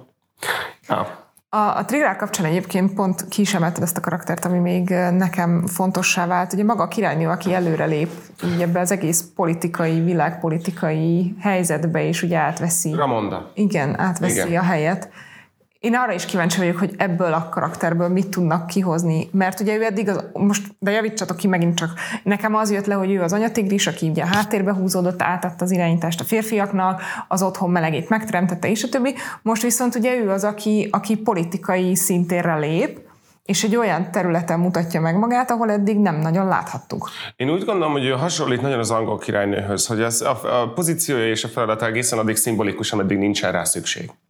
És ez nekem nagyon tetszik. Ez a fajta, ő alapvetően egy, egy, egy, egy befolyásos ura, uralkodó személy volt az első filmben is, de látszott, hogy amikor, hogy nincsen, tehát ő, neki funkciója relatíve kevés volt a film elején, mert el volt látva a katonai vezetés, el volt látva a berend, a politikai ezért tradíciók meg voltak oldva, le lettek rendezve, tehát kvázi ő neki egy, egy minimális, minimális szerepe volt az esetek operatív mozgatásában. És aztán ahogy felborult minden, akkor hirtelen kidomborít, vagy kijött, kiélesedett, hogy miről szól a királynőnek a pozíciója. És hogy neki mi a, mi a feladata a krízisben. És onnantól kezdve ez sokkal izgalmasabb. Meg onnantól láttuk meg a, a kompetenciáját, meg az értékét. És ő, ő most nagyon-nagyon egyértelműen kvázi főszerepi helyzetben volt rakva a trailerbe. Szerintem ez nem lesz feltétlenül így, de engem tökre érdekel. Én alapvetően nagyon szeretem a, az uralkodó házaknak és a, a royalitásnak és ilyesminek az életét végigkövetni. Ez egy szuperhős settingben, ez kifejez, külön izgalmas lesz. Úgyhogy, ja, a, a, a jelen pillanatban én azt tudnám mondani, hogy női karakterek írásában a, a vért pisilt a Marvel, mire a Black Widow-t valahogy összehozta, de ott se tudták, ugye a karaktert magát, de ott se tudták olyan hitelességi szintre jutni, mint az egy darab Black Panther filmben. Mondom én ezt úgy, hogy ez nyilván nem az én kultúrám, de hogy úgy érződött, úgy lehetett átélni, úgy tapasztaltam, és úgy jöttek a visszajelzések is, hogy azok a női karakterek, azok hitelesek voltak, jól megírtak, inspirálóak, stb. Ezek valamilyen szinten jók voltak. Én, én ennek a folytatását várom, mert jött a, ugye jött a bejelentés, hogy lesz a Marvels, ahol három, gener, három generációnyi, három generációnyi. Két és fél generációnyi nő van együtt, van nagyon pici lány, van fiatal lány, meg van a Carol Danvers, aki nem számít öregnek, úgyhogy azért mondom, hogy ilyen, ilyen, ilyen, ilyen, ilyen igen, két-két-három generációnyi nő. Na és akkor ott, ott, ott csak nők lesznek. Megint csak. És akkor azt mondom, jó, mutassátok meg, hogy mit tudtak. Tehát mondom ezt úgy, hogy nem nekem kell bizonyítani, de én, én tudom, hogy a Marvel borzasztó a női karakterek írásában, és nagyon ritkán sikerül neki, hogyha most ennyire bevállalják, akkor én kíváncsi vagyok, hogy mit tudnak. Mert ez nem egyszerű. Még úgy néz ki a modern világban sem. Tök jó, hogy ezt a filmet felhoztad, mert ezzel gyakorlatilag át is tértünk a következő témánkra, ugye, ami a, a Marvel 5. fázis, de láttam, hogy Ben még valamit szeret. Nem, ugyanezt akartam igazából hozzámondani, hogy nagyon sokan támadják a Marvelt most amiatt, hogy a következő Avengers gyakorlatilag 70% vagy a 80% most nő lesz. És igazából ezzel semmi baj nincsen, mert az előző Avengersnek meg a 80% a férfi volt. Tehát így és ezt nem nekem kell kimondanom, annyira jól esik. Ez szerintem egy pont olyan dolog, amin, amilyen teljesen értelmetlen megakadni. Addig, amíg, addig, amíg a, a, a karaktereknek a motivációi rendben vannak, addig, amíg a történetnek a, az értelme megvan, addig teljesen mindegy, hogy most férfi vagy nő van. Nem, és igaz ez, hogy a 80%-a nő lesz? De egyébként ez sem teljesen. Ez, ez rohadtul nem igaz. igaz. De a Pókember, a Doctor Strange, a Thor a, biztosan benne lesznek. Az Ant-Man biztosan lesz, mert ugye most jön a kvantumánia. Ezt akartam mondani, hogy csak nézzük végig az ötödik nézzük fázist. Végig. Hangya három, Galaxis őrzői három, igen. Marvels, amit említettél. Marvels, igen. Utána Penge, Amerika kapitány Penge. négy. És Amerika kapitány Magyarázza el nekem valaki, hogy miért, hol, hol, hol dugták el azt a túl sok nőt. Igen, egyébként ezen is meg vagyok hűlve. És ez ugye 2024 februárjától novemberig körülbelül ez a, ez a paletta. Úristen, a Blade rohadt menő lesz. Uh, legyen olyan jó, mint az első rész volt a régi, a frostos. Az akkor, amikor megjelent, akkor jó volt. Igen, de, nyilván, de ha, de ha a mai settingbe át igen. tudják tenni azt, mm. akkor az tökéletes mm, lesz. Mm.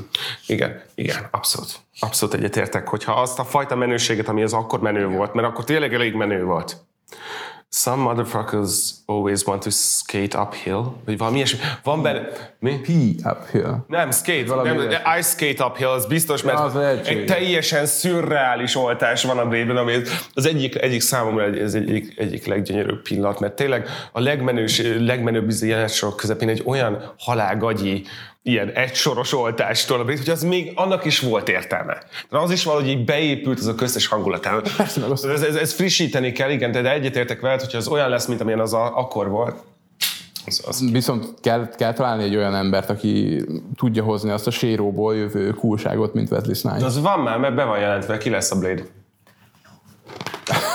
Ismét, ismét. Nézem, nézem, nézem. Nehéz, de azért tegyük hozzá, tehát az, amit Wesley Snipes ki tudott tolni séróból, az, yeah. az arra azt mondtad, hogy így damn son, tehát arra így rá tudtad ezt verni. Igen. És és az kell, ahhoz, ahhoz, hogy jó legyen a Blade, az kell. Vagy nagyon-nagyon jól meg kell írni a történetet, és, és hozni kell a legeslegerősebb történetszálait a Blade képregénynek, hogyha nem lesz olyan erős a karakterünk színésze. Hát meg akkor talán még rendezői oldalról lehet megtámogatni, hogy ő állítsa olyan helyzetbe, olyan képbe, akármi, lássál olyan instrukciókkal, amik segíthetnek a megfelelő megformázáson, nem? Persze, nyilvánvalóan, csak ugye egy valamit ne, fontos hozzátenni ugye a, a Blade-es részekhez, hogy például ott mi, mihez van közel. Tehát mi, melyik másik képregény univerzumba, mondom, kóstolhat bele. És akkor ugye, ha, ha Blade-ről beszélünk, akkor, akkor gondolhatunk egy, gondolhatunk egy Punisherre, gondolhatunk egy cameo Peter Parkertől. Tehát ezek mind-mind olyan dolgok, mert, mert van, azt tudjuk, hogy ott, ott voltak crossoverek. És ha jól megcsinálják, az erős lehet. Megvan? Mahershala Ali lesz. Hibátlan casting. Nagyon vékonyka, de valószínűleg fel fogja gyúrni magát. Nem ismerem. Biztos vagyok benne, hogy ismered, megmutatom. Mibe játszott? Igen, és ezt kérdeztem. Bocsánat, hogy itt így Igen, adás közben így Green Book például. Moonlight. Oh. Igen. eternals is benne volt. Hunger Games, Predator, Benjamin Button, stb. Hidden Figures. Ah, én, én őt imádom, de megmutatom az arcot, és biztos vagyok benne, hogy emlékezni fogsz rá. Nagy nevek, nagy nevek. I, I, I, Igen, a Green Book-kal megtaláltam. Igen, igen, Szerintem, igen, szerintem igen. style. Csak ő, ő egy kifejezetten vékony fizimiskájú arc, és Mhm. mm-hmm. a Blade-nek kell valamennyi izom, de Marvel az fenomenális abban, hogy felgyúrja az embereket. Igen, igen, azért itt a 24. század adta lehetőségekbe szerintem nem, nem jelent problémát, hogy valakit kicsit... Ez a csávó szerepelt a Wire-be is. Igen. És ott nagyon jó volt. Mhm. Mondjuk a Wire is maga alapból barom jó volt, de ő a srác is jó volt. Igen. Nagyon-nagyon izgalmas. Ugye általában a Marvel új fézekre azt tudom mondani, hogy engem zavar, hogy túl sok sorozat van. Tehát kicsit leépült a, a filmgyártáshoz Film. képest, hogy mennyi sorozatot tolnak. Ennek mi lehet az oka? Hogy látod? Ö, franchise fejlesztés. Uh-huh. Tehát, hogy egyszerűen valahova mozdulni kell, valamerre mozdulni kell. A sorozatok, a one sorozatok, amiket nem akarnak folytatni, hogyha nem nagyon muszáj, mint a Loki-nál, az szerintem egy, valami, egy, egy, egy, még egy egészségesebb megközelítése az univerzum építésnek. Azzal a veszéllyel jár, hogy egy idő után behozhatatlan lesz az a tudás, ami szükséges a nagyobb filmek élvezetéhez, de ugyanakkor meg az, hogy egy Marvel Avengers mondjuk már nem néznek meg annyian, az üzleti szempontból a Disney-t abszolút nem érdekli, mert hogyha mindenki feliratkozik a Disney Plus-ra, beszerzi ezt a pénzt, hogy leszarja, hogy nem lesz mm. Kifejezetten nagy nézőszám, vagy ilyen epikus nézőszámú a, a Kang Dynasty. Mm. Tehát ez, ez, ennek tisztán csak és kizárólag pénzügyi indokai vannak, és akkor, ahogy mondom, ezen belül, hogy a, a kreatívok hogyan tudják megoldani, hogy ennek történetvezetési értelme van, az egy nagyon érdekes kérdés. Hogy ezt eredménnyel tudják-e hozni. Én úgy gondolom, hogy, hogy valószínűleg a megfizethető legnagyobb tehetségek ilyen pillanatban a Marvelnél meg a DC-nél dolgoznak, ilyen franchise fejlesztési mm. szempontból, úgyhogy ha valakikben, akkor bennük lehet bízni. Pont ezt akartam kérdezni, hogy, hogy oké, okay, hogy pénzügyileg egyértelműen a sorozatok fele húz a, a, az érvek rendszere, de hogy azért ott van benne az nem, még mindig, hogy egy két órás filmnél még mindig többet tudsz elmondani egy, most mondok valamit, öt részes sorozatban. Igen, de ez, ez sajnos ez fordítva van. Ezt, ez el kell engedni ezt a gondolatot, hogy bármi kreatív megközelítés van a döntéshozói szinten. Ah, Tehát ez, egyszerűen- ez egy nem, más, más, tehát EMC-nél, az EMC most ki fogja adni például a, a, a Interjú a vámpíra sorozatot. És akkor ott lehet arról beszélni, hogy wow, csinálnak egy 10-es, 20, inkább 20-as. Nem tudom, azt mondták, hogy 10-es, de szerintem hazudnak, mert 1920-as évek divatja volt ott, mindegy. Szóval, hogy, hogy egy, egy 20, 10-es, 20-as években játszódó, amerikai, Amerikában játszódó ö, ilyen, ilyen periód drámát kiadnak vámpírokkal, annak van egy, van egy nyilván egy noszalgiai értéke, de minimális, mert az egy 80-as évekbeli film, vagy valami ilyesmi, nem tudom, mikor volt az interjú a vámpírral. Ez nagyon-nagyon régi film, 90 inkább 90, talán? ugye, mert Brad Pitt már, már volt A, akkor nagyon-nagyon, meg a Chris, Kirsten Dunst is nagyon-nagyon De fiatal. Kirsten, Kirsten igen, az nagyon pici volt. Na mindegy, szóval van egy alapvető nosztagiai értéke, amire lehet építeni, de ezen túl egy nem lehet, tehát hogy nem az viszi a hátán az ötletet, hogy ki az, aki látta az interjú a vámpírral filmet. Úgyhogy itt bő, egy ilyen, ilyen felállásban bőven van helye a kreativitásnak. Itt bőven lehet azt mondani, hogy na, behozzuk a kosztümösöket, behozzuk a jó periodráma, még romantikai írókat, és akkor jól megcsinálják a vámpírokat, kicsit visszarakjuk a megfelelő pozícióba őket. A Marvelnél ez, ez nincs. nincs ilyenfajta szabadság, nincs ilyenfajta lehetőségterhez. Mert ott nem csak bele kell lépülni a hat részbe, hanem bele kell lépülni a phase-be, és bele kell lépülni a Marvel stílusába, és bele kell épülni a Disneynek a víziójába, és ami ezután maradt, ott van hely kreativitásnak. Oh, Ja. Nekem nincsen bajom a sorozatokkal egyébként, sőt, én tökre örültem. Például a Hawkeye nekem egy nagyon-nagyon kellemes csalódás volt abból a szempontból, hogy, hogy jól hozta be két Bishopnak a karakterét. Alapvetően sokan azt mondják, hogy túlságosan szeszi, meg túlságosan, nem tudom, ide-oda pattogó karaktere a, a Haley Stein-. Steinfeld által, által alakított. Echo. Echo. A kislányról beszélsz, nem? Két Bishopról. Hókás sorozat. A Hókás sorozatban a kislány nem ő lesz az Echo című sorozatnak a főszereplője? Most Azt keverem? nem tudom, lehet. Mindegy, igen, igen, igen. Tehát én, én, én örültem annak, hogy ott le, lezárták Hókánynak a, a történetét, már pedig ő szerintem megérdemelte azt a lezárást, amit kapott, és mégis a Hókánynak a karakterét úgy átmentették az új Avengers-be, és majd két Bishop lesz az, aki az új Hawkeye lesz az Avengers castban. Uh-huh. És ez szerintem semmi baj nincsen, sőt, benne volt ugye nyilván a, a soriban benne volt ugye jelen a Belova, mint ugye a Black Widow 2, jó, nyilván nem Black Widow 2, de ugye Black Widow húga, aki szerintem a, az új phase-nek egyik talán legviccesebb karaktere. Én borzasztóan imádom azt a, a, azt a walking meme típust, amit ő képvisel gyakorlatilag a, a Marvelben, és, és nekem ezen, és, és akkor eljutottunk egy Moon Knight-ig, ami, ami szerintem borzasztóan király volt. Tehát így az teljesen mindentől független, nem igazán nem illik bele a fészbe, mert mert nem nagyon illik bele, legalábbis még nem tudjuk, hogy hogyan illik bele, de ettől függetlenül egy baromi jó történetet mondott el a Moon Knight, és egy hihetetlen jó karakterfejlődéssel, ahogy végigment a hat rész. Mm. Ugye a Moon Knight az nagyon hasonló az Ant-Manhez, meg a Deadpoolhoz, meg az ilyesmihez. A dolgok, amiknek meg kell történniük, de senkinek nem fontos igazán annyira, hogy nagy nagy figyelmet szenteljen rá. Az Ant-Man, mindenki röhögött azon, annak idején, hogy pont az Ant-Manről csinálnak filmet, ki az Istent érdekel, és mivel senkit nem, senkit nem érdekel maga a franchise azt mondták, hogy jó, csináljatok be, amit akartok, hasonló a Deadpool. Szerintem a Marvel egyik legjobb komédiája, de Ant-Man egy egyszerűen elejétől végéig fantasztikus humorra operál. A Moon Knight is szerintem nagyon hasonló lehet, bár nem vagyok teljesen biztos, de mivel nem kell a Moon Knight-ot beépíteni semmibe, ezért ott kitágult ez a lehetőség a kreativitásra, és mindig ezek lesznek a legjobbak. Ez alól viszont egy kivétel van, mert ezt meg kell hagyni.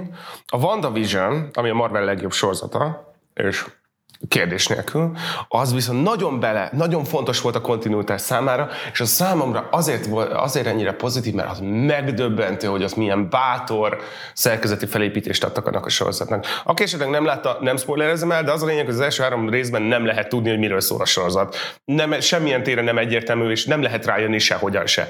Ez felfoghatatlan. Tehát ez egy, hogy, hogy hogyan értékel, hogy a Disney arra rábolincsa, hogy csinálunk egy sorozatot, aminek a harmada nem fel felfogható néző számára. Nem tudom, hogy ott ki, és hány jó kézrázást adott a pénzügyiseknek, de hogy ez, ez egy sosem látott kivétel. De igen, a jövőben nézve és a megnézve a fézeket, csak hogy visszakanyarodjunk számomra, azok, le, azok az leginkább érdekesek, amiken minél kevesebb a figyelem. Mert a nagyon fontos filmek azok okék lesznek. A nagyon fontos sorozatok azok rendben lesznek, mert a Disney, a Marvel az, az nagyon-nagyon rosszat nagyon-nagyon régen csinált okék lesznek, de az, azok a kis passion projektek, amiket engednek elrepkedni ott a háttérben, jó, oké, lehet az is, mint a Moon Knight, ami minden kettőnk számára egy, egy borzasztó pozitív meglepetés volt, azok, le, azok lehetnek jók. Akkor mondd meg nekem, hogy az Eternals miért nem lett jó? Az Eternals borzasztó, bocsánat, az Eternals borzasztó fontos. Borzasztó fontos a kontinuitás számára, tehát az, ott, ott nem volt, ott nem volt, ö, nem volt ö, ez a fajta kreatív elengedés. Ennek ez egy tradicionális Marvel film, egészen odáig, hogy, hogy ö, takonylények vannak. Tehát négy lábon járó takonyszörnyek vannak, ami a, a lézer nyalábon kívül a Marvelnek a legtipikusabb jelensége. A, az Eternals az, az szerintem az volt talán a, nem, a Thor 2 volt a mélypontja a Marvel univerzumnak. Ebben egyet, egyet. De igen, az Eternals nincsen messze tőle.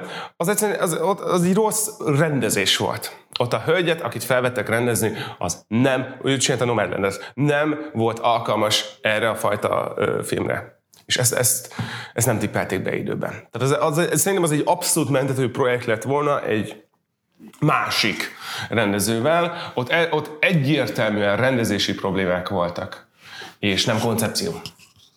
Eternals ezt meg lehet volna csinálni nagyon. De nem csinálták meg.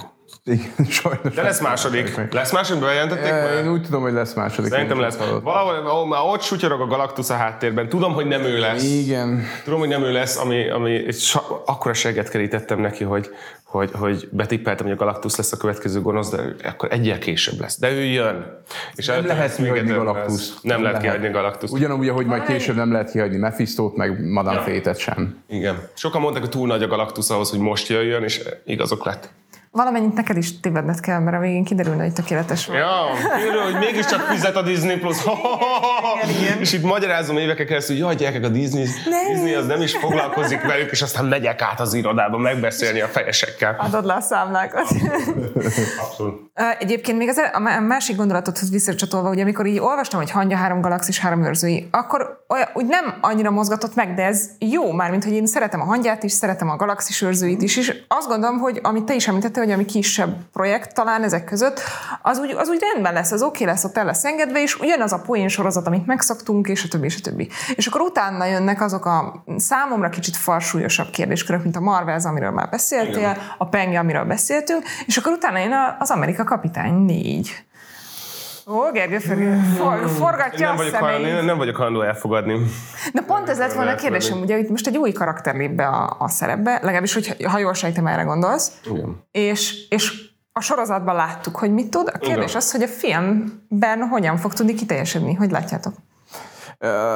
Nekem, a, nekem az amerikai kapitány véget ért azzal, amikor lezárták a, az Avengers Endgame-et. Aha. Tehát nekem, nekem Steve Rogers az amerikai kapitány, Aha. és nem sajnálom, de nincsen, nincsen gondom a Mekivel, de de nem, nem ugyanaz a, az, az egésznek az üzenete számomra, és nem ugyanaz a clean cut good guy, amit nekem Amerika kapitány mindig is meg, meg személyesített. Nem, nem, pontosan ez a helyzet. Tehát az Amerika kapitány kvázi karaktere az véget ért, mert a Meki az semmilyen szempontból, tehát a Falcon az semmilyen szempontból nem is próbálja rekreálni azt, amit. De most ami itt történik, az egy új Amerika kapitány megalapo, megalapozása, és szerintem nekem azért nagyon nem tetszett a Winter Soldier, a Falcon and the Winter Soldier, mert ott nem sikerült elmagyarázniuk, hogy mi az új Amerika kapitánynak a funkciója, jelensége és betöltött szerepe a csapatban. Nem Pedcegeti- sikerült átadni. Pedcegeti az elején, amikor megjelenik az a utánzatnak nevezhető amerikai szőke, meg Igen. ugye amikor konfliktus van a Falconnal, tehát ott, ott elkezdik ezt megérinteni, csak aztán a sorozat második felében ez így huss, Hát. És a végén van egy nagyon érdekes monológ, amiben igazat adok, az, ami nagyon jól megírt monológ, azzal kapcsolatban, hogy mi lehetne az új Amerika kapitány, ami kvázi egy, most nem mondom el, mit nézzétek meg, hogyha érdekel, de alapvetőleg van nézőknek, vagy a hallgatóknak mondom nyilván, de hogy van egy, van egy alapvető, ö, szerintem egy, volt egy jelentős jelzés arra, hogy visszatérnek a, a Winter Soldier, tehát a második Amerika kapitány irányvonalához, és politikai úton közelítik meg az Amerika kapitány szerepét. Amire, ami szerintem baromi bátor és állati érdekes, Ö, és így már talán meg is van magyarázva, hogy miért hívják még mindig Amerika kapitánynak. De hogy ennek... Ezt is akartam kérdezni. Igen, igen, igen, ezért. Mert hogy, hogy, hogy, hogy, tehát, hogy visszatérnek kvázi ebbe a politikai kritikába, csak ezt most már a Falconon keresztül közelítik meg. Ez egy fájdalmas dolog nekem, mert nekem a kedvencem az Amerika kapitány volt mindig is. Fájdalmas dolog, és ezért nagyon-nagyon sokat várok el, és, semmi, és nem, vár, nem fogadok el kevesebbet. Hogyha az új Amerika kapitány egy politikai áskálódás lesz, és azt mondja, hogy most a modern időben ez a szerepe az Amerika kapitány. Most már nem a 50-es évekbeli jó fiút magyarázzuk, most kialakítunk egy új értékrendszert az Amerika kapitánynak, ami érdekes, akkor vagyok hajlandó váltani. Hogyha tovább húzzák ezt a helyközi dolgot, ez a ide se oda se tartozunk, nem tudjuk, hogy mik akarunk lenni, mert nem fog érdekelni. Mm. Tehát akkor eléggé határozottan ki kéne alakítani az új Amerika Abszolút, kapitány abszolút. karaktert és környezetét ahhoz, hogy átmenjen mondjuk akár a rajongókon. Hogyha Abszolút, és azon az elején meg kéne mondani, hogy gyerekek, ne, nincs Steve Rogers, most csinálok valami újat. Mert hogy én bennem is ugyanez az élmény van, mint benned. Hogy nehezen engedem el, még nagyon szerettem, meg szerintem nagyon jó megírt karakter volt. És jól zárták le. Jó, jól zárták le. Tökéletesen vezették ki gyakorlatilag a, az MCU-ból. És, és ez a bajom vele, hogy így mi az a pont, amiért szükségünk van még egy Amerika kapitány. Ez, ez, ez amit mondok, hogy szerintem, szerintem abszolút helye van az Avengersben egy filozófiai értékrendű hőstek, mert volt az egoista, narcisztikus, a univerzumot átlátó, a varázsló, a különböző irányba fog, fogják meg a szuperhősséget. Van az Isten. Különböző, rengeteg irányba fogják meg a szuperhősség kérdését a hőseink. Miért ne legyen egy valaki, aki politikai vagy szociofilozófiai irányba közelíti meg? Tehát miért ne? Tegyük bele professzor X-et? Ne. Ne, tegyük bele. Az, nagyon öreg ember, hagyjuk őt békén. Az Amerika kapitánynak abszolút megvan olyan szempontból, meg lehet olyan szempontból a szerepe, hogy, hogy ő a, a mondom, a Falconon keresztül egy politikai irányba közelíti meg a szuperhőség fogalmát. De ez, ez valamennyire az eredeti verzióban is megvolt, hiszen ugye a háború Igen. kommunikációja kapcsán használták a karaktert, és a többi, és a többi. Abszolút. Ugye ez volt az arca az egész kampánynak, és a többi. Abszolút igazad van, ez, ez az általános ért, ahogyan most bemutatok képregényekről ne beszéljünk, a filmeken belül ez az általános értéke volt az Amerika kapitánynak, ugye neki szólt az első filmje a patriotizmusról, a második a patriotizmus megkérdőjelezéséről, a harmadik filmje, a Civil War pedig a patriotizmusra, a vakpatriotizmussal való szembeszegülésről szól. Tehát ez egy nagyon fontos filozófiai, inkább politikai gondolatmenetnek a végigvezetése. Ez folytatódhat, nem egy másik karakter, egy másik mm. startpontból kell indulnunk, tehát nem lehet még egy amerikai kapitányunk is ebben teljesen igazad van, aki na, szuperpatrióta, és nagyon clean cut, és ilyesmi, nem, hanem akkor azt mondjuk, hogy ez az új amerikai kapitány az onnan indul, hogy ez ha megvan, ha megvan egy jó azért, hogy miért pakolják bele, oké, okay, meg fogom nézni, ha jó lesz. Még az sem gond egyébként, hogyha ilyen szürke zónába kerül át az egész, mert hogy nem tudom, akármilyen krízise van abból, hogy ő most neki tud menni morálisan dolgoknak, avagy nem tud neki menni, legyen értelme, akkor oké, okay, akkor megértem, hogy visszakerül. De egyébként, amit gyakorlatilag a cap képvisel, azt nehéz De Azt nem kell, nem kell, az el kell engedni, el kell felejteni, amit a cap képviselt, azt nem kell képviselni többet, mert azt átdumáltuk, meg azt átmagyaráztuk. Viszont egy politikai indítatású hősnek van helye, van. tehát akkor legyünk egy picit nyitottak, én csak azt mondom, hogy ne, ne, ne, ne féljünk. Én nekem is, és mondom, én nekem is ez nagyon fájdalmas, és én is gyúrok rá minden nap, hogy valahogy nyitott legyek erre, de nem szabad elvennünk a lehetőséget ettől a karaktertől, hogy újra megújuljon, mert szükség van rá. Főleg egy olyan halálfelszínes képregényvilágban, mint a Marvel, akik rettegnek attól, hogy bármit komolyan vegyenek, és a, ugye a DC-hez képest rettegnek tőle, hogy bármi egy kicsit túlságosan komoly vagy realista legyen, hogy abba, abba legalább valami es, kis esélyt behoz ez egy új Amerika kapitányokhoz engedni kell. Kanyarodjunk rá a hatodik fázisra, és a kapásból az első név, ami megjelenik, olyan, mintha átokülne rajta, és, és valahogy sosem sikerül elcsípni, de megint ez az én érzésem, ez az én személyes véleményem, és ez nem más, mint a fantasztikus négyes. Hújjúj, ott vannak gondok. Ugye? Ugye? E... Mindenkinek ez az első reakciója, amikor szóba kerül, legalábbis a többsége az ismerőseim közül. A Fantasztikus négyes az a korbetegségnek a franchise-a. Amikor kijött az első Fantasztikus négyes, nem volt, nem volt annyira rossz. Nem, egyébként szerintem sem. Nem volt annyira rossz. Halálosan gagyi volt, mert akkoriban a képregényfilmek halálosan gagyik voltak. Aztán a Dark Érának, a, a, a Post Nolan őrületnek a, a utó, utó szelén jött a második fantasztikus, Amiben még a, a négy sztrikus négyes. Jordan. Uh-huh. Uh, az pedig azt hitte, hogy mostantól a képregényfilmek halálosan komorak lesznek, sötétek és, és stb. Tehát a, a, ez a franchise valahogy mindig, mindig így lekési a, a lényeget, egy korszaknak a lényegét. Az a bajom, mert a, a Fantasztikus négyesről, hogy ugye Reed Richardsnak a, a karakterét már behozták. Bocsánat, ugye, igen.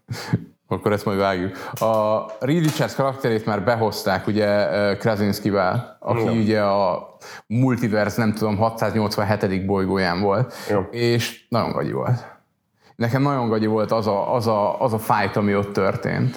Tehát így megjelenik Vanda, és így ez a, az a tipikus esete annak, hogy amikor veled van egy karakter, akkor van, van egy power levelje, és amikor átkerül a karakter vilén szintbe, akkor ez a power level meg, megugrik ötszörösére. Miért? Nem tudták, hogy kivel állnak szemben.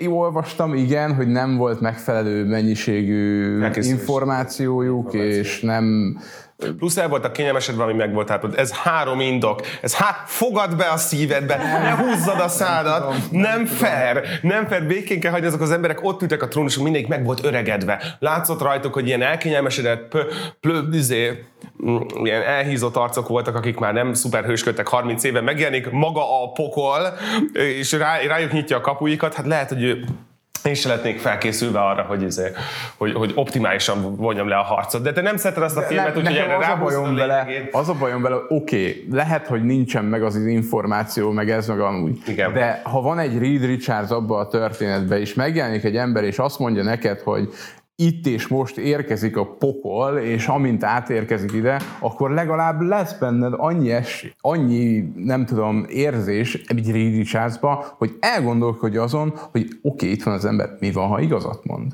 Mi, miért dobom ki azt a teóriát, hogy már pedig ez a Vanda Maximov baromi erős lesz? 40 millió indok van. Nekem ez nem, nekem ez nem indok, főleg Reed Richardsnál nem. A Black Boltnál még ott marad, megmaradna, mert ő soha nem volt az a karakter, aki iszonyatosan meg... Rendben. Az nem tetszett neked.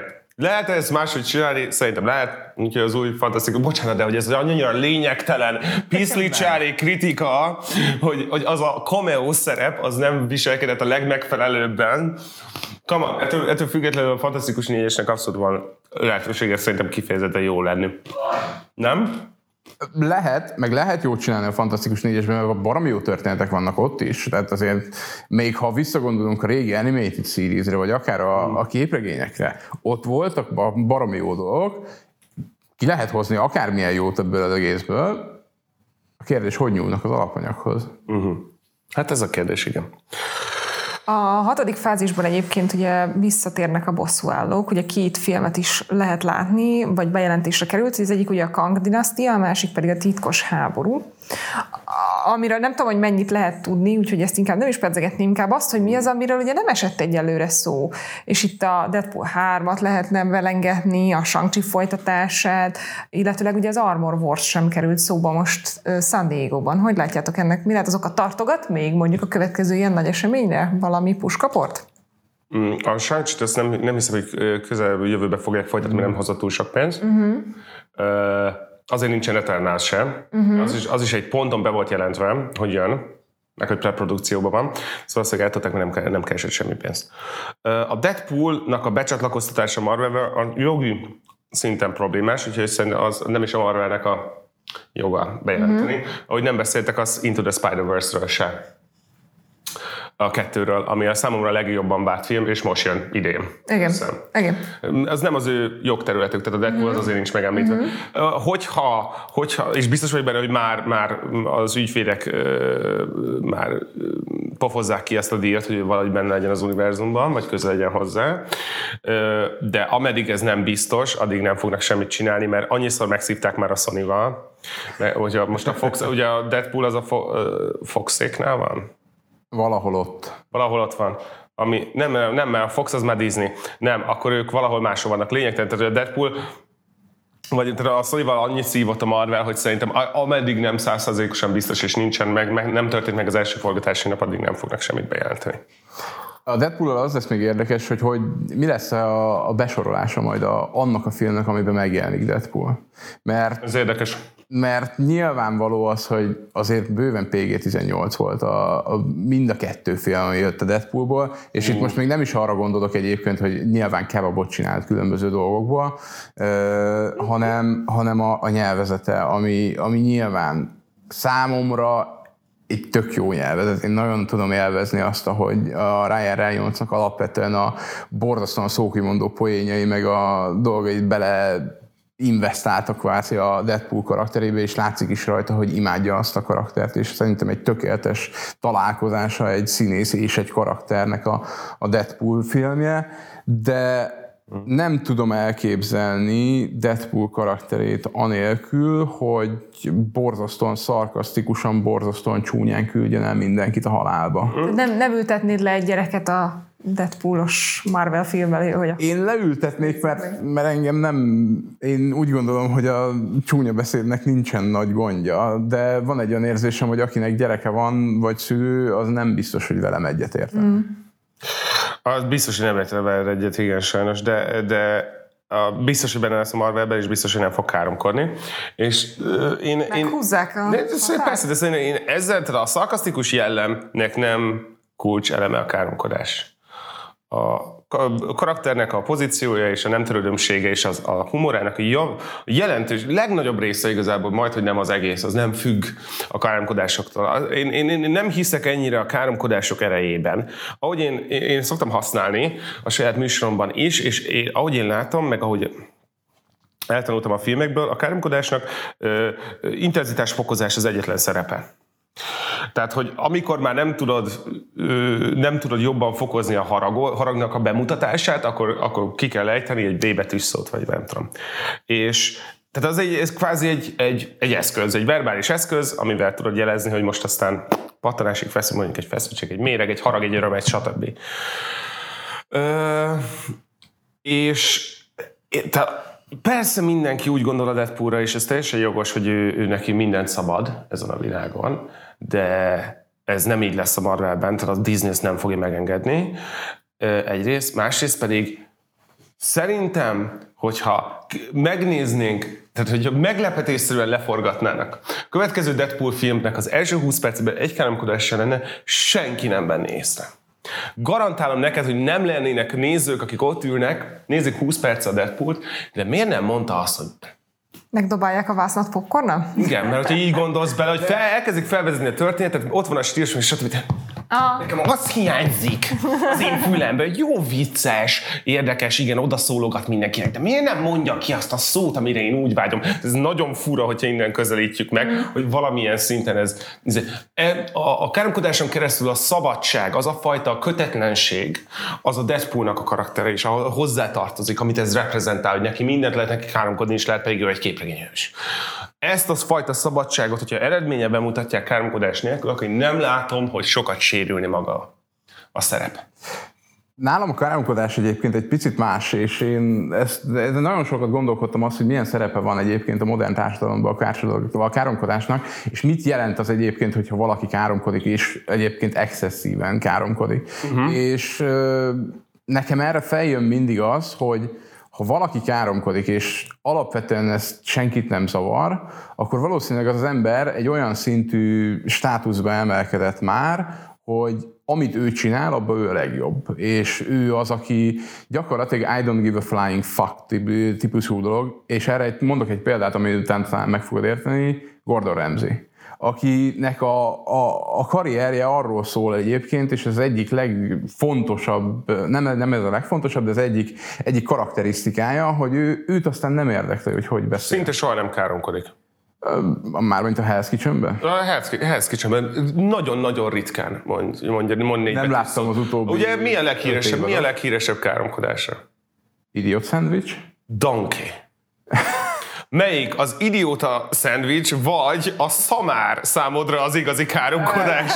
Jó, azért ott is rep- repkednek a Nagyon ritkán. Különböző... Nagyon ritkán. Mindegy, Nagyon nekem ettől függetlenül a, a, a Deadpoolba ezt jelenti, ebbe a karakterbe az, hogy ő őt nem érdekli az, hogy őt mit mond, és nem érdekli az, hogy mások hallják. Szabadság. Így van. Tehát a, a tökéletes szabadság jelképe számomra a Deadpool. És úgy gondolod, hogy ez káromkodáson kívül ezt nem lehet másra meg Nekem hiányozna, hogyha nem lenne benne. Az, az kétségtelen nekem is valószínűleg. Nem azt mondom, hogy ez, ez egy helyes megközelítés a karakternek. Én úgy gondolom, hogy azt, amit reprezentálsz, meg lehet oldani káromkodás nélkül is. Meg kell -e? Nem. Nem. Nem de kell. megfogják. Nem, de megfogják.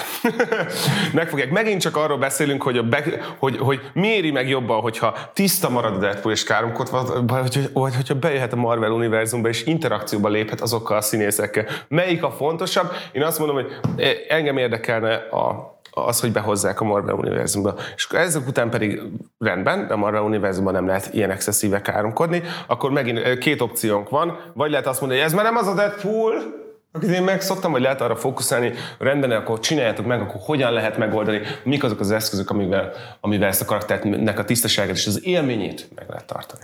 Ki kell javítsalak. Nem az a kérdés, hogy melyik a fontosabb, hanem ahogy már te is nagyon sokszor megfogalmaztad, de ma melyikkel lehet több bevételt generálni, nem? Igen, most nézői oldalról fogok. Ja, ja, ja. A Disney, Disney onnantól kezdve, hogy behozzuk a Deadpool-t és milliókat keres, milliárdokat keresünk, onnantól kezdve set.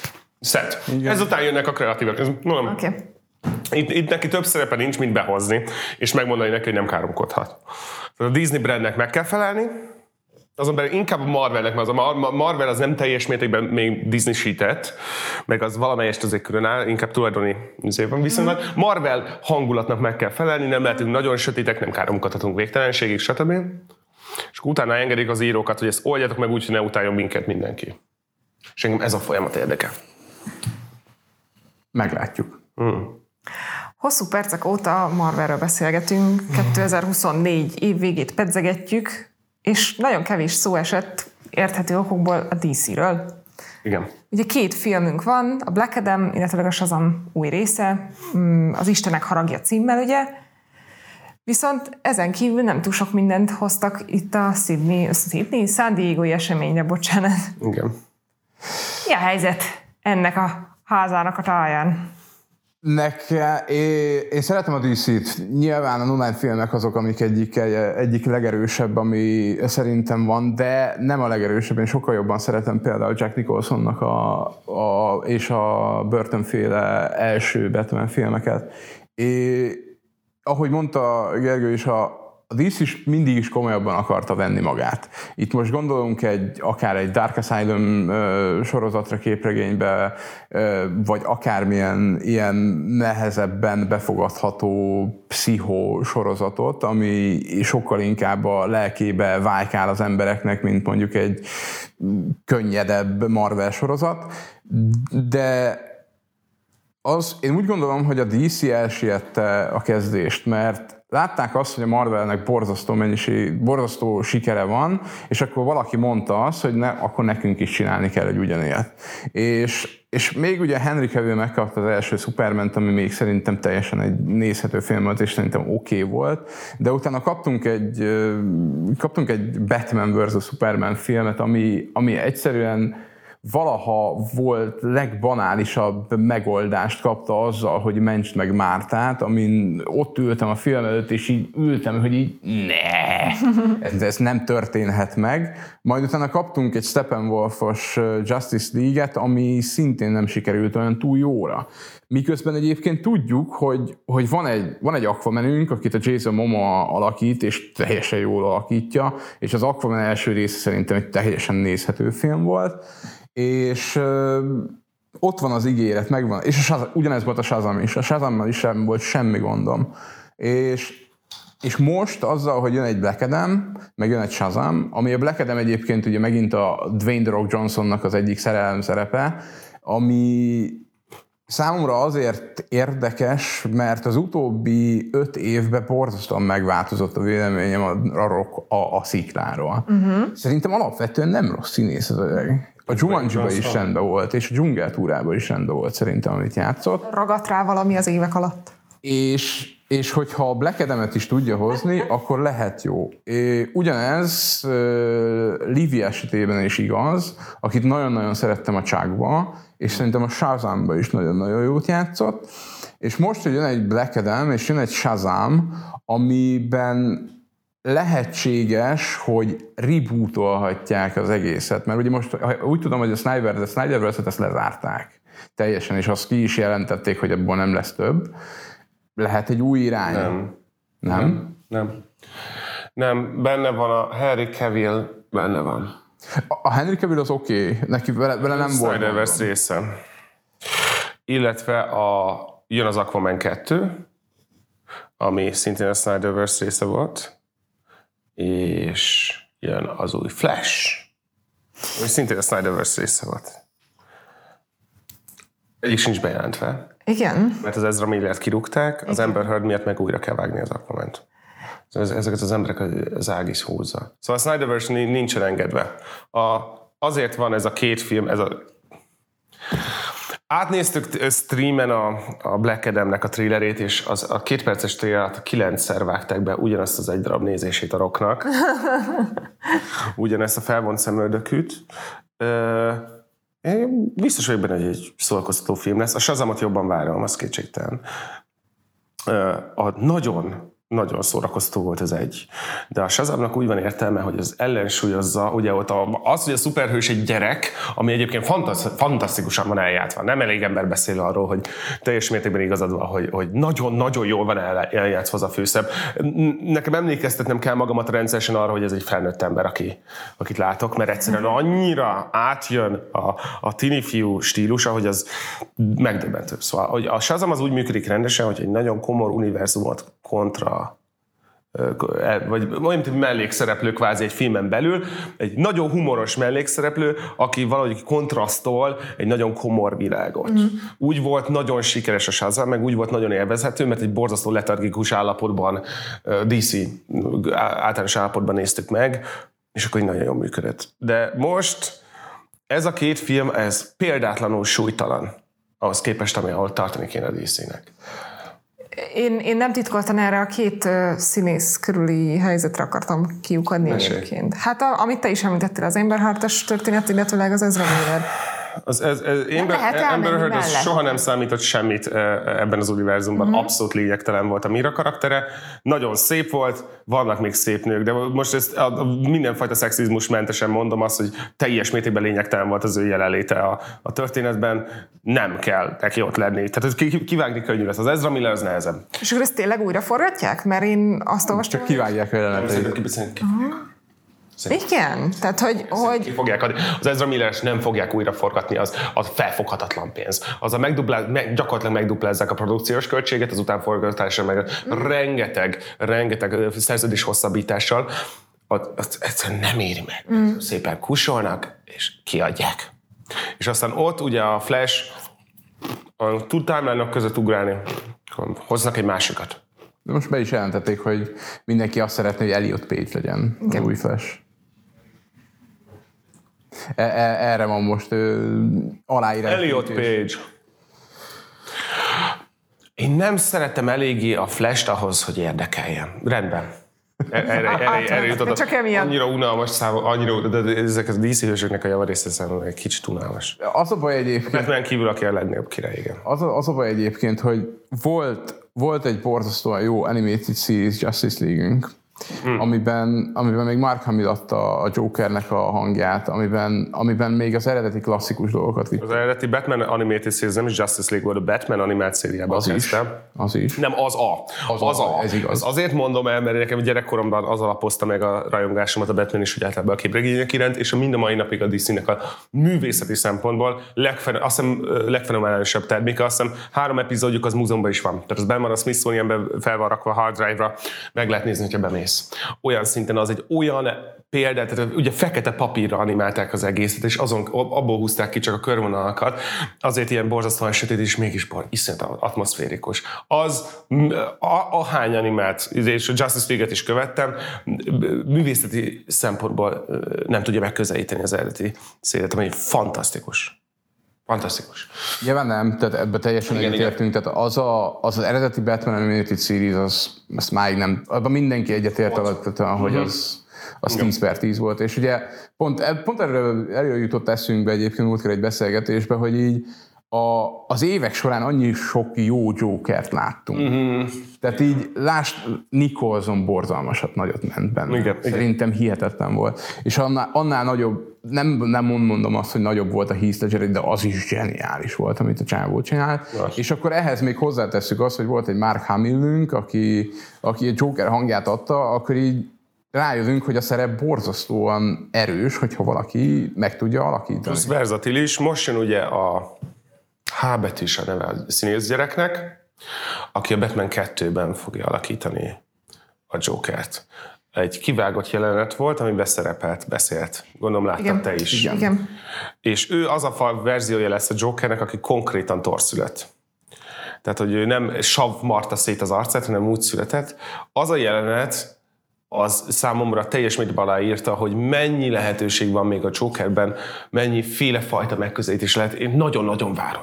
Nagyon E- már. Ennyi a lényeg, hogy a DC-ben is vannak nagyon-nagyon jó történetek. Ó, van. Nagyon-nagyon sok sorozat van a képregényekből, amit át lehetne emelni, és, és ugye Nolan fogta magát, és oda nyúlt, és így kivette a Dark Knight-ot, és így oda tette a filmvászorra, és így jól tette oda. Ezt meg lehetne csinálni most is. Te hogyan javítanád meg a DC univerzumot?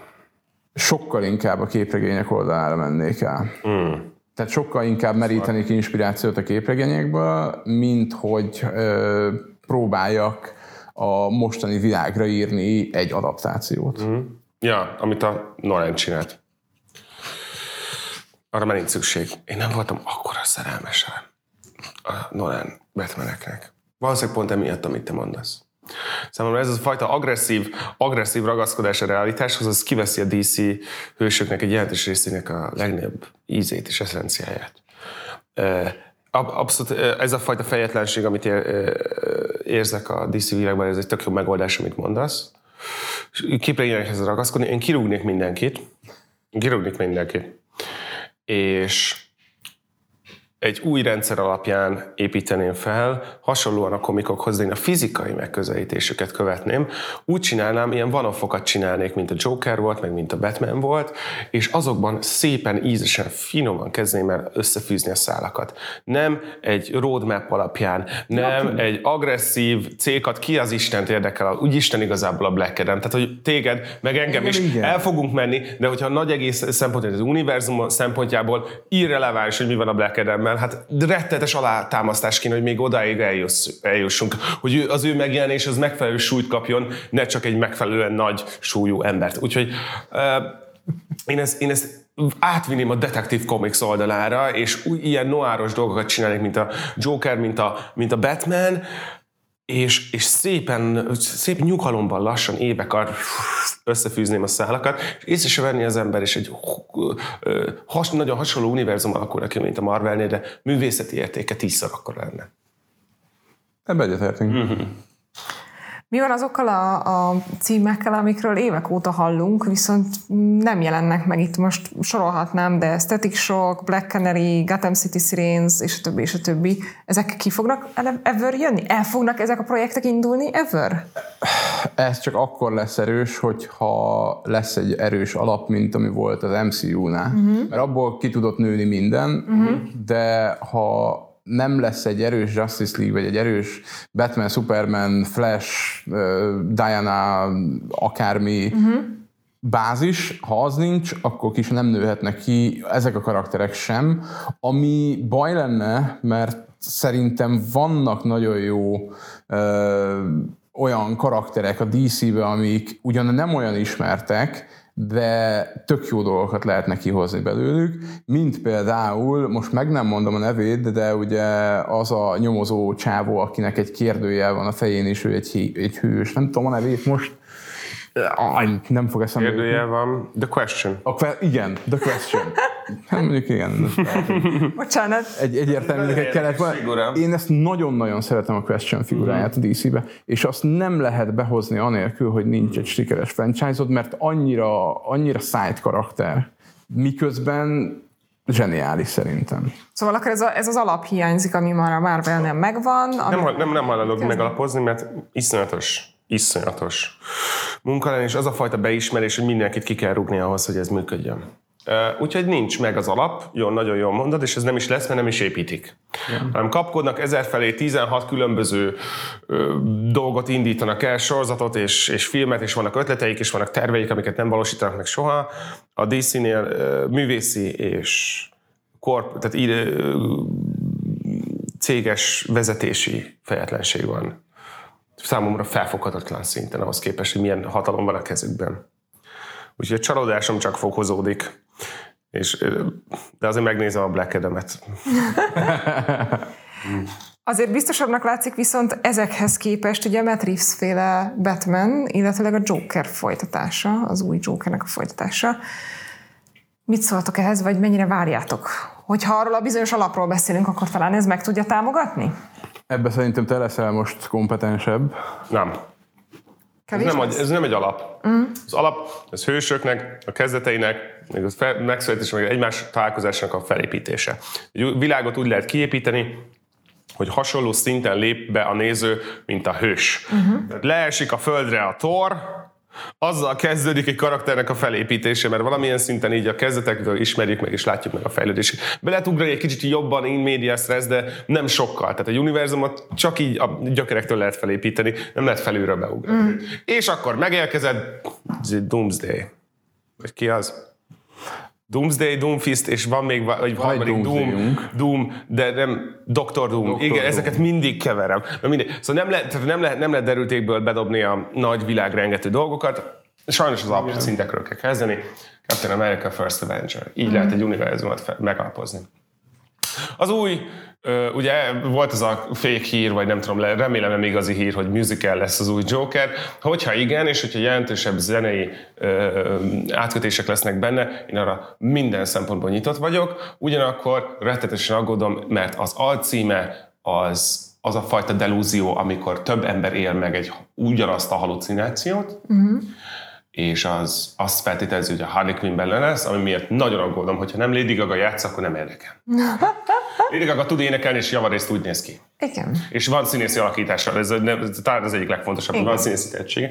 Nem, ott, ott, ott, rengeteg aggodalom van, de én azt hiszem, minél őrültebb legyen, tehát én, én pártalom, hogy musical legyen.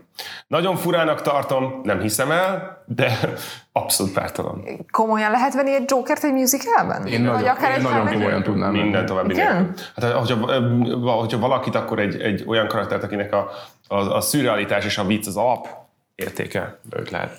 Jogos. Egy Batman sokkal kevésbé lehet. Egyértelmű, de akkor ezt valahogy nagyon úgy kell megfogni, és nagyon ki kell akkor viszont aknázni. Tehát nem lehet felszínes a történet. Nem, nem, de a Joker nem számít.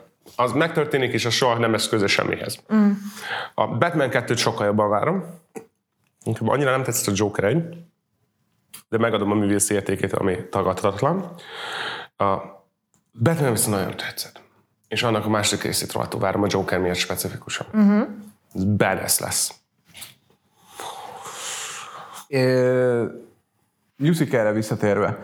Én nagyon nagy musical fan vagyok, alapvetően én klasszikus musicaleket is nagyon-nagyon szeretek, lásd Jézus Krisztus szuperszárról elkezdve a Herren keresztülig, és, és szerintem a Hernél komolyabb filmet nagyon keveset láttam. És nagyon-nagyon szerettem azt a filmet, uh-huh. és, és, és nagyon át tud, nem, nyilván nem tudtam átélni, mert soha nem, nem tudom, nem ültem egy Huey-ban Saigon felett repülve a napon bombákat ledobva, de nincsen baj azzal, hogyha egy musicalben mondasz el egy történetet, ha annak megvan a, a helye és ideje. És, és a Joker pont egy olyan dolog, ami, ami annyira széles spektrumú karakter lehet, hogy el lehet mondani musicalbe szerintem. És nem attól függetlenül, hogy musical van, nem fog veszíteni a komolyságából, nem fog veszíteni abból, hogy milyen mélységű, vagy mélységi lehet a karaktereknek, vagy hogy játszák el azt a, a, azt a szerepet.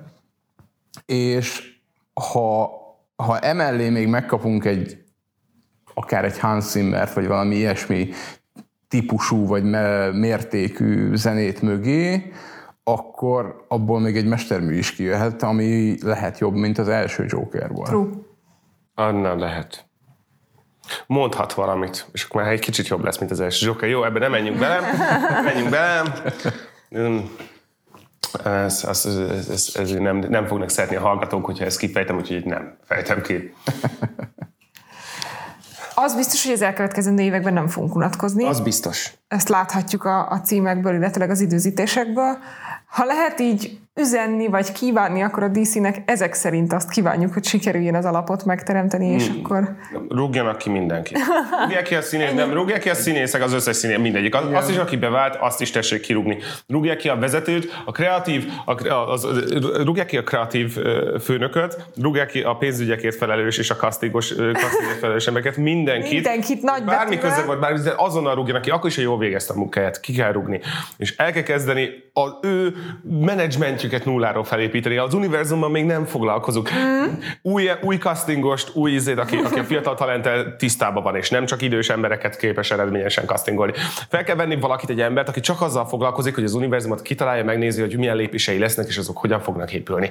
Fel kell venni normális rendezőket, akiknek annyi pénzt kell adni, hogy nem hülyéskedik el, és és, és fel kell venni biztonsági őrt, aki, hogyha Zack Snyder be akar jönni a terembe, visszarúgja. Nem?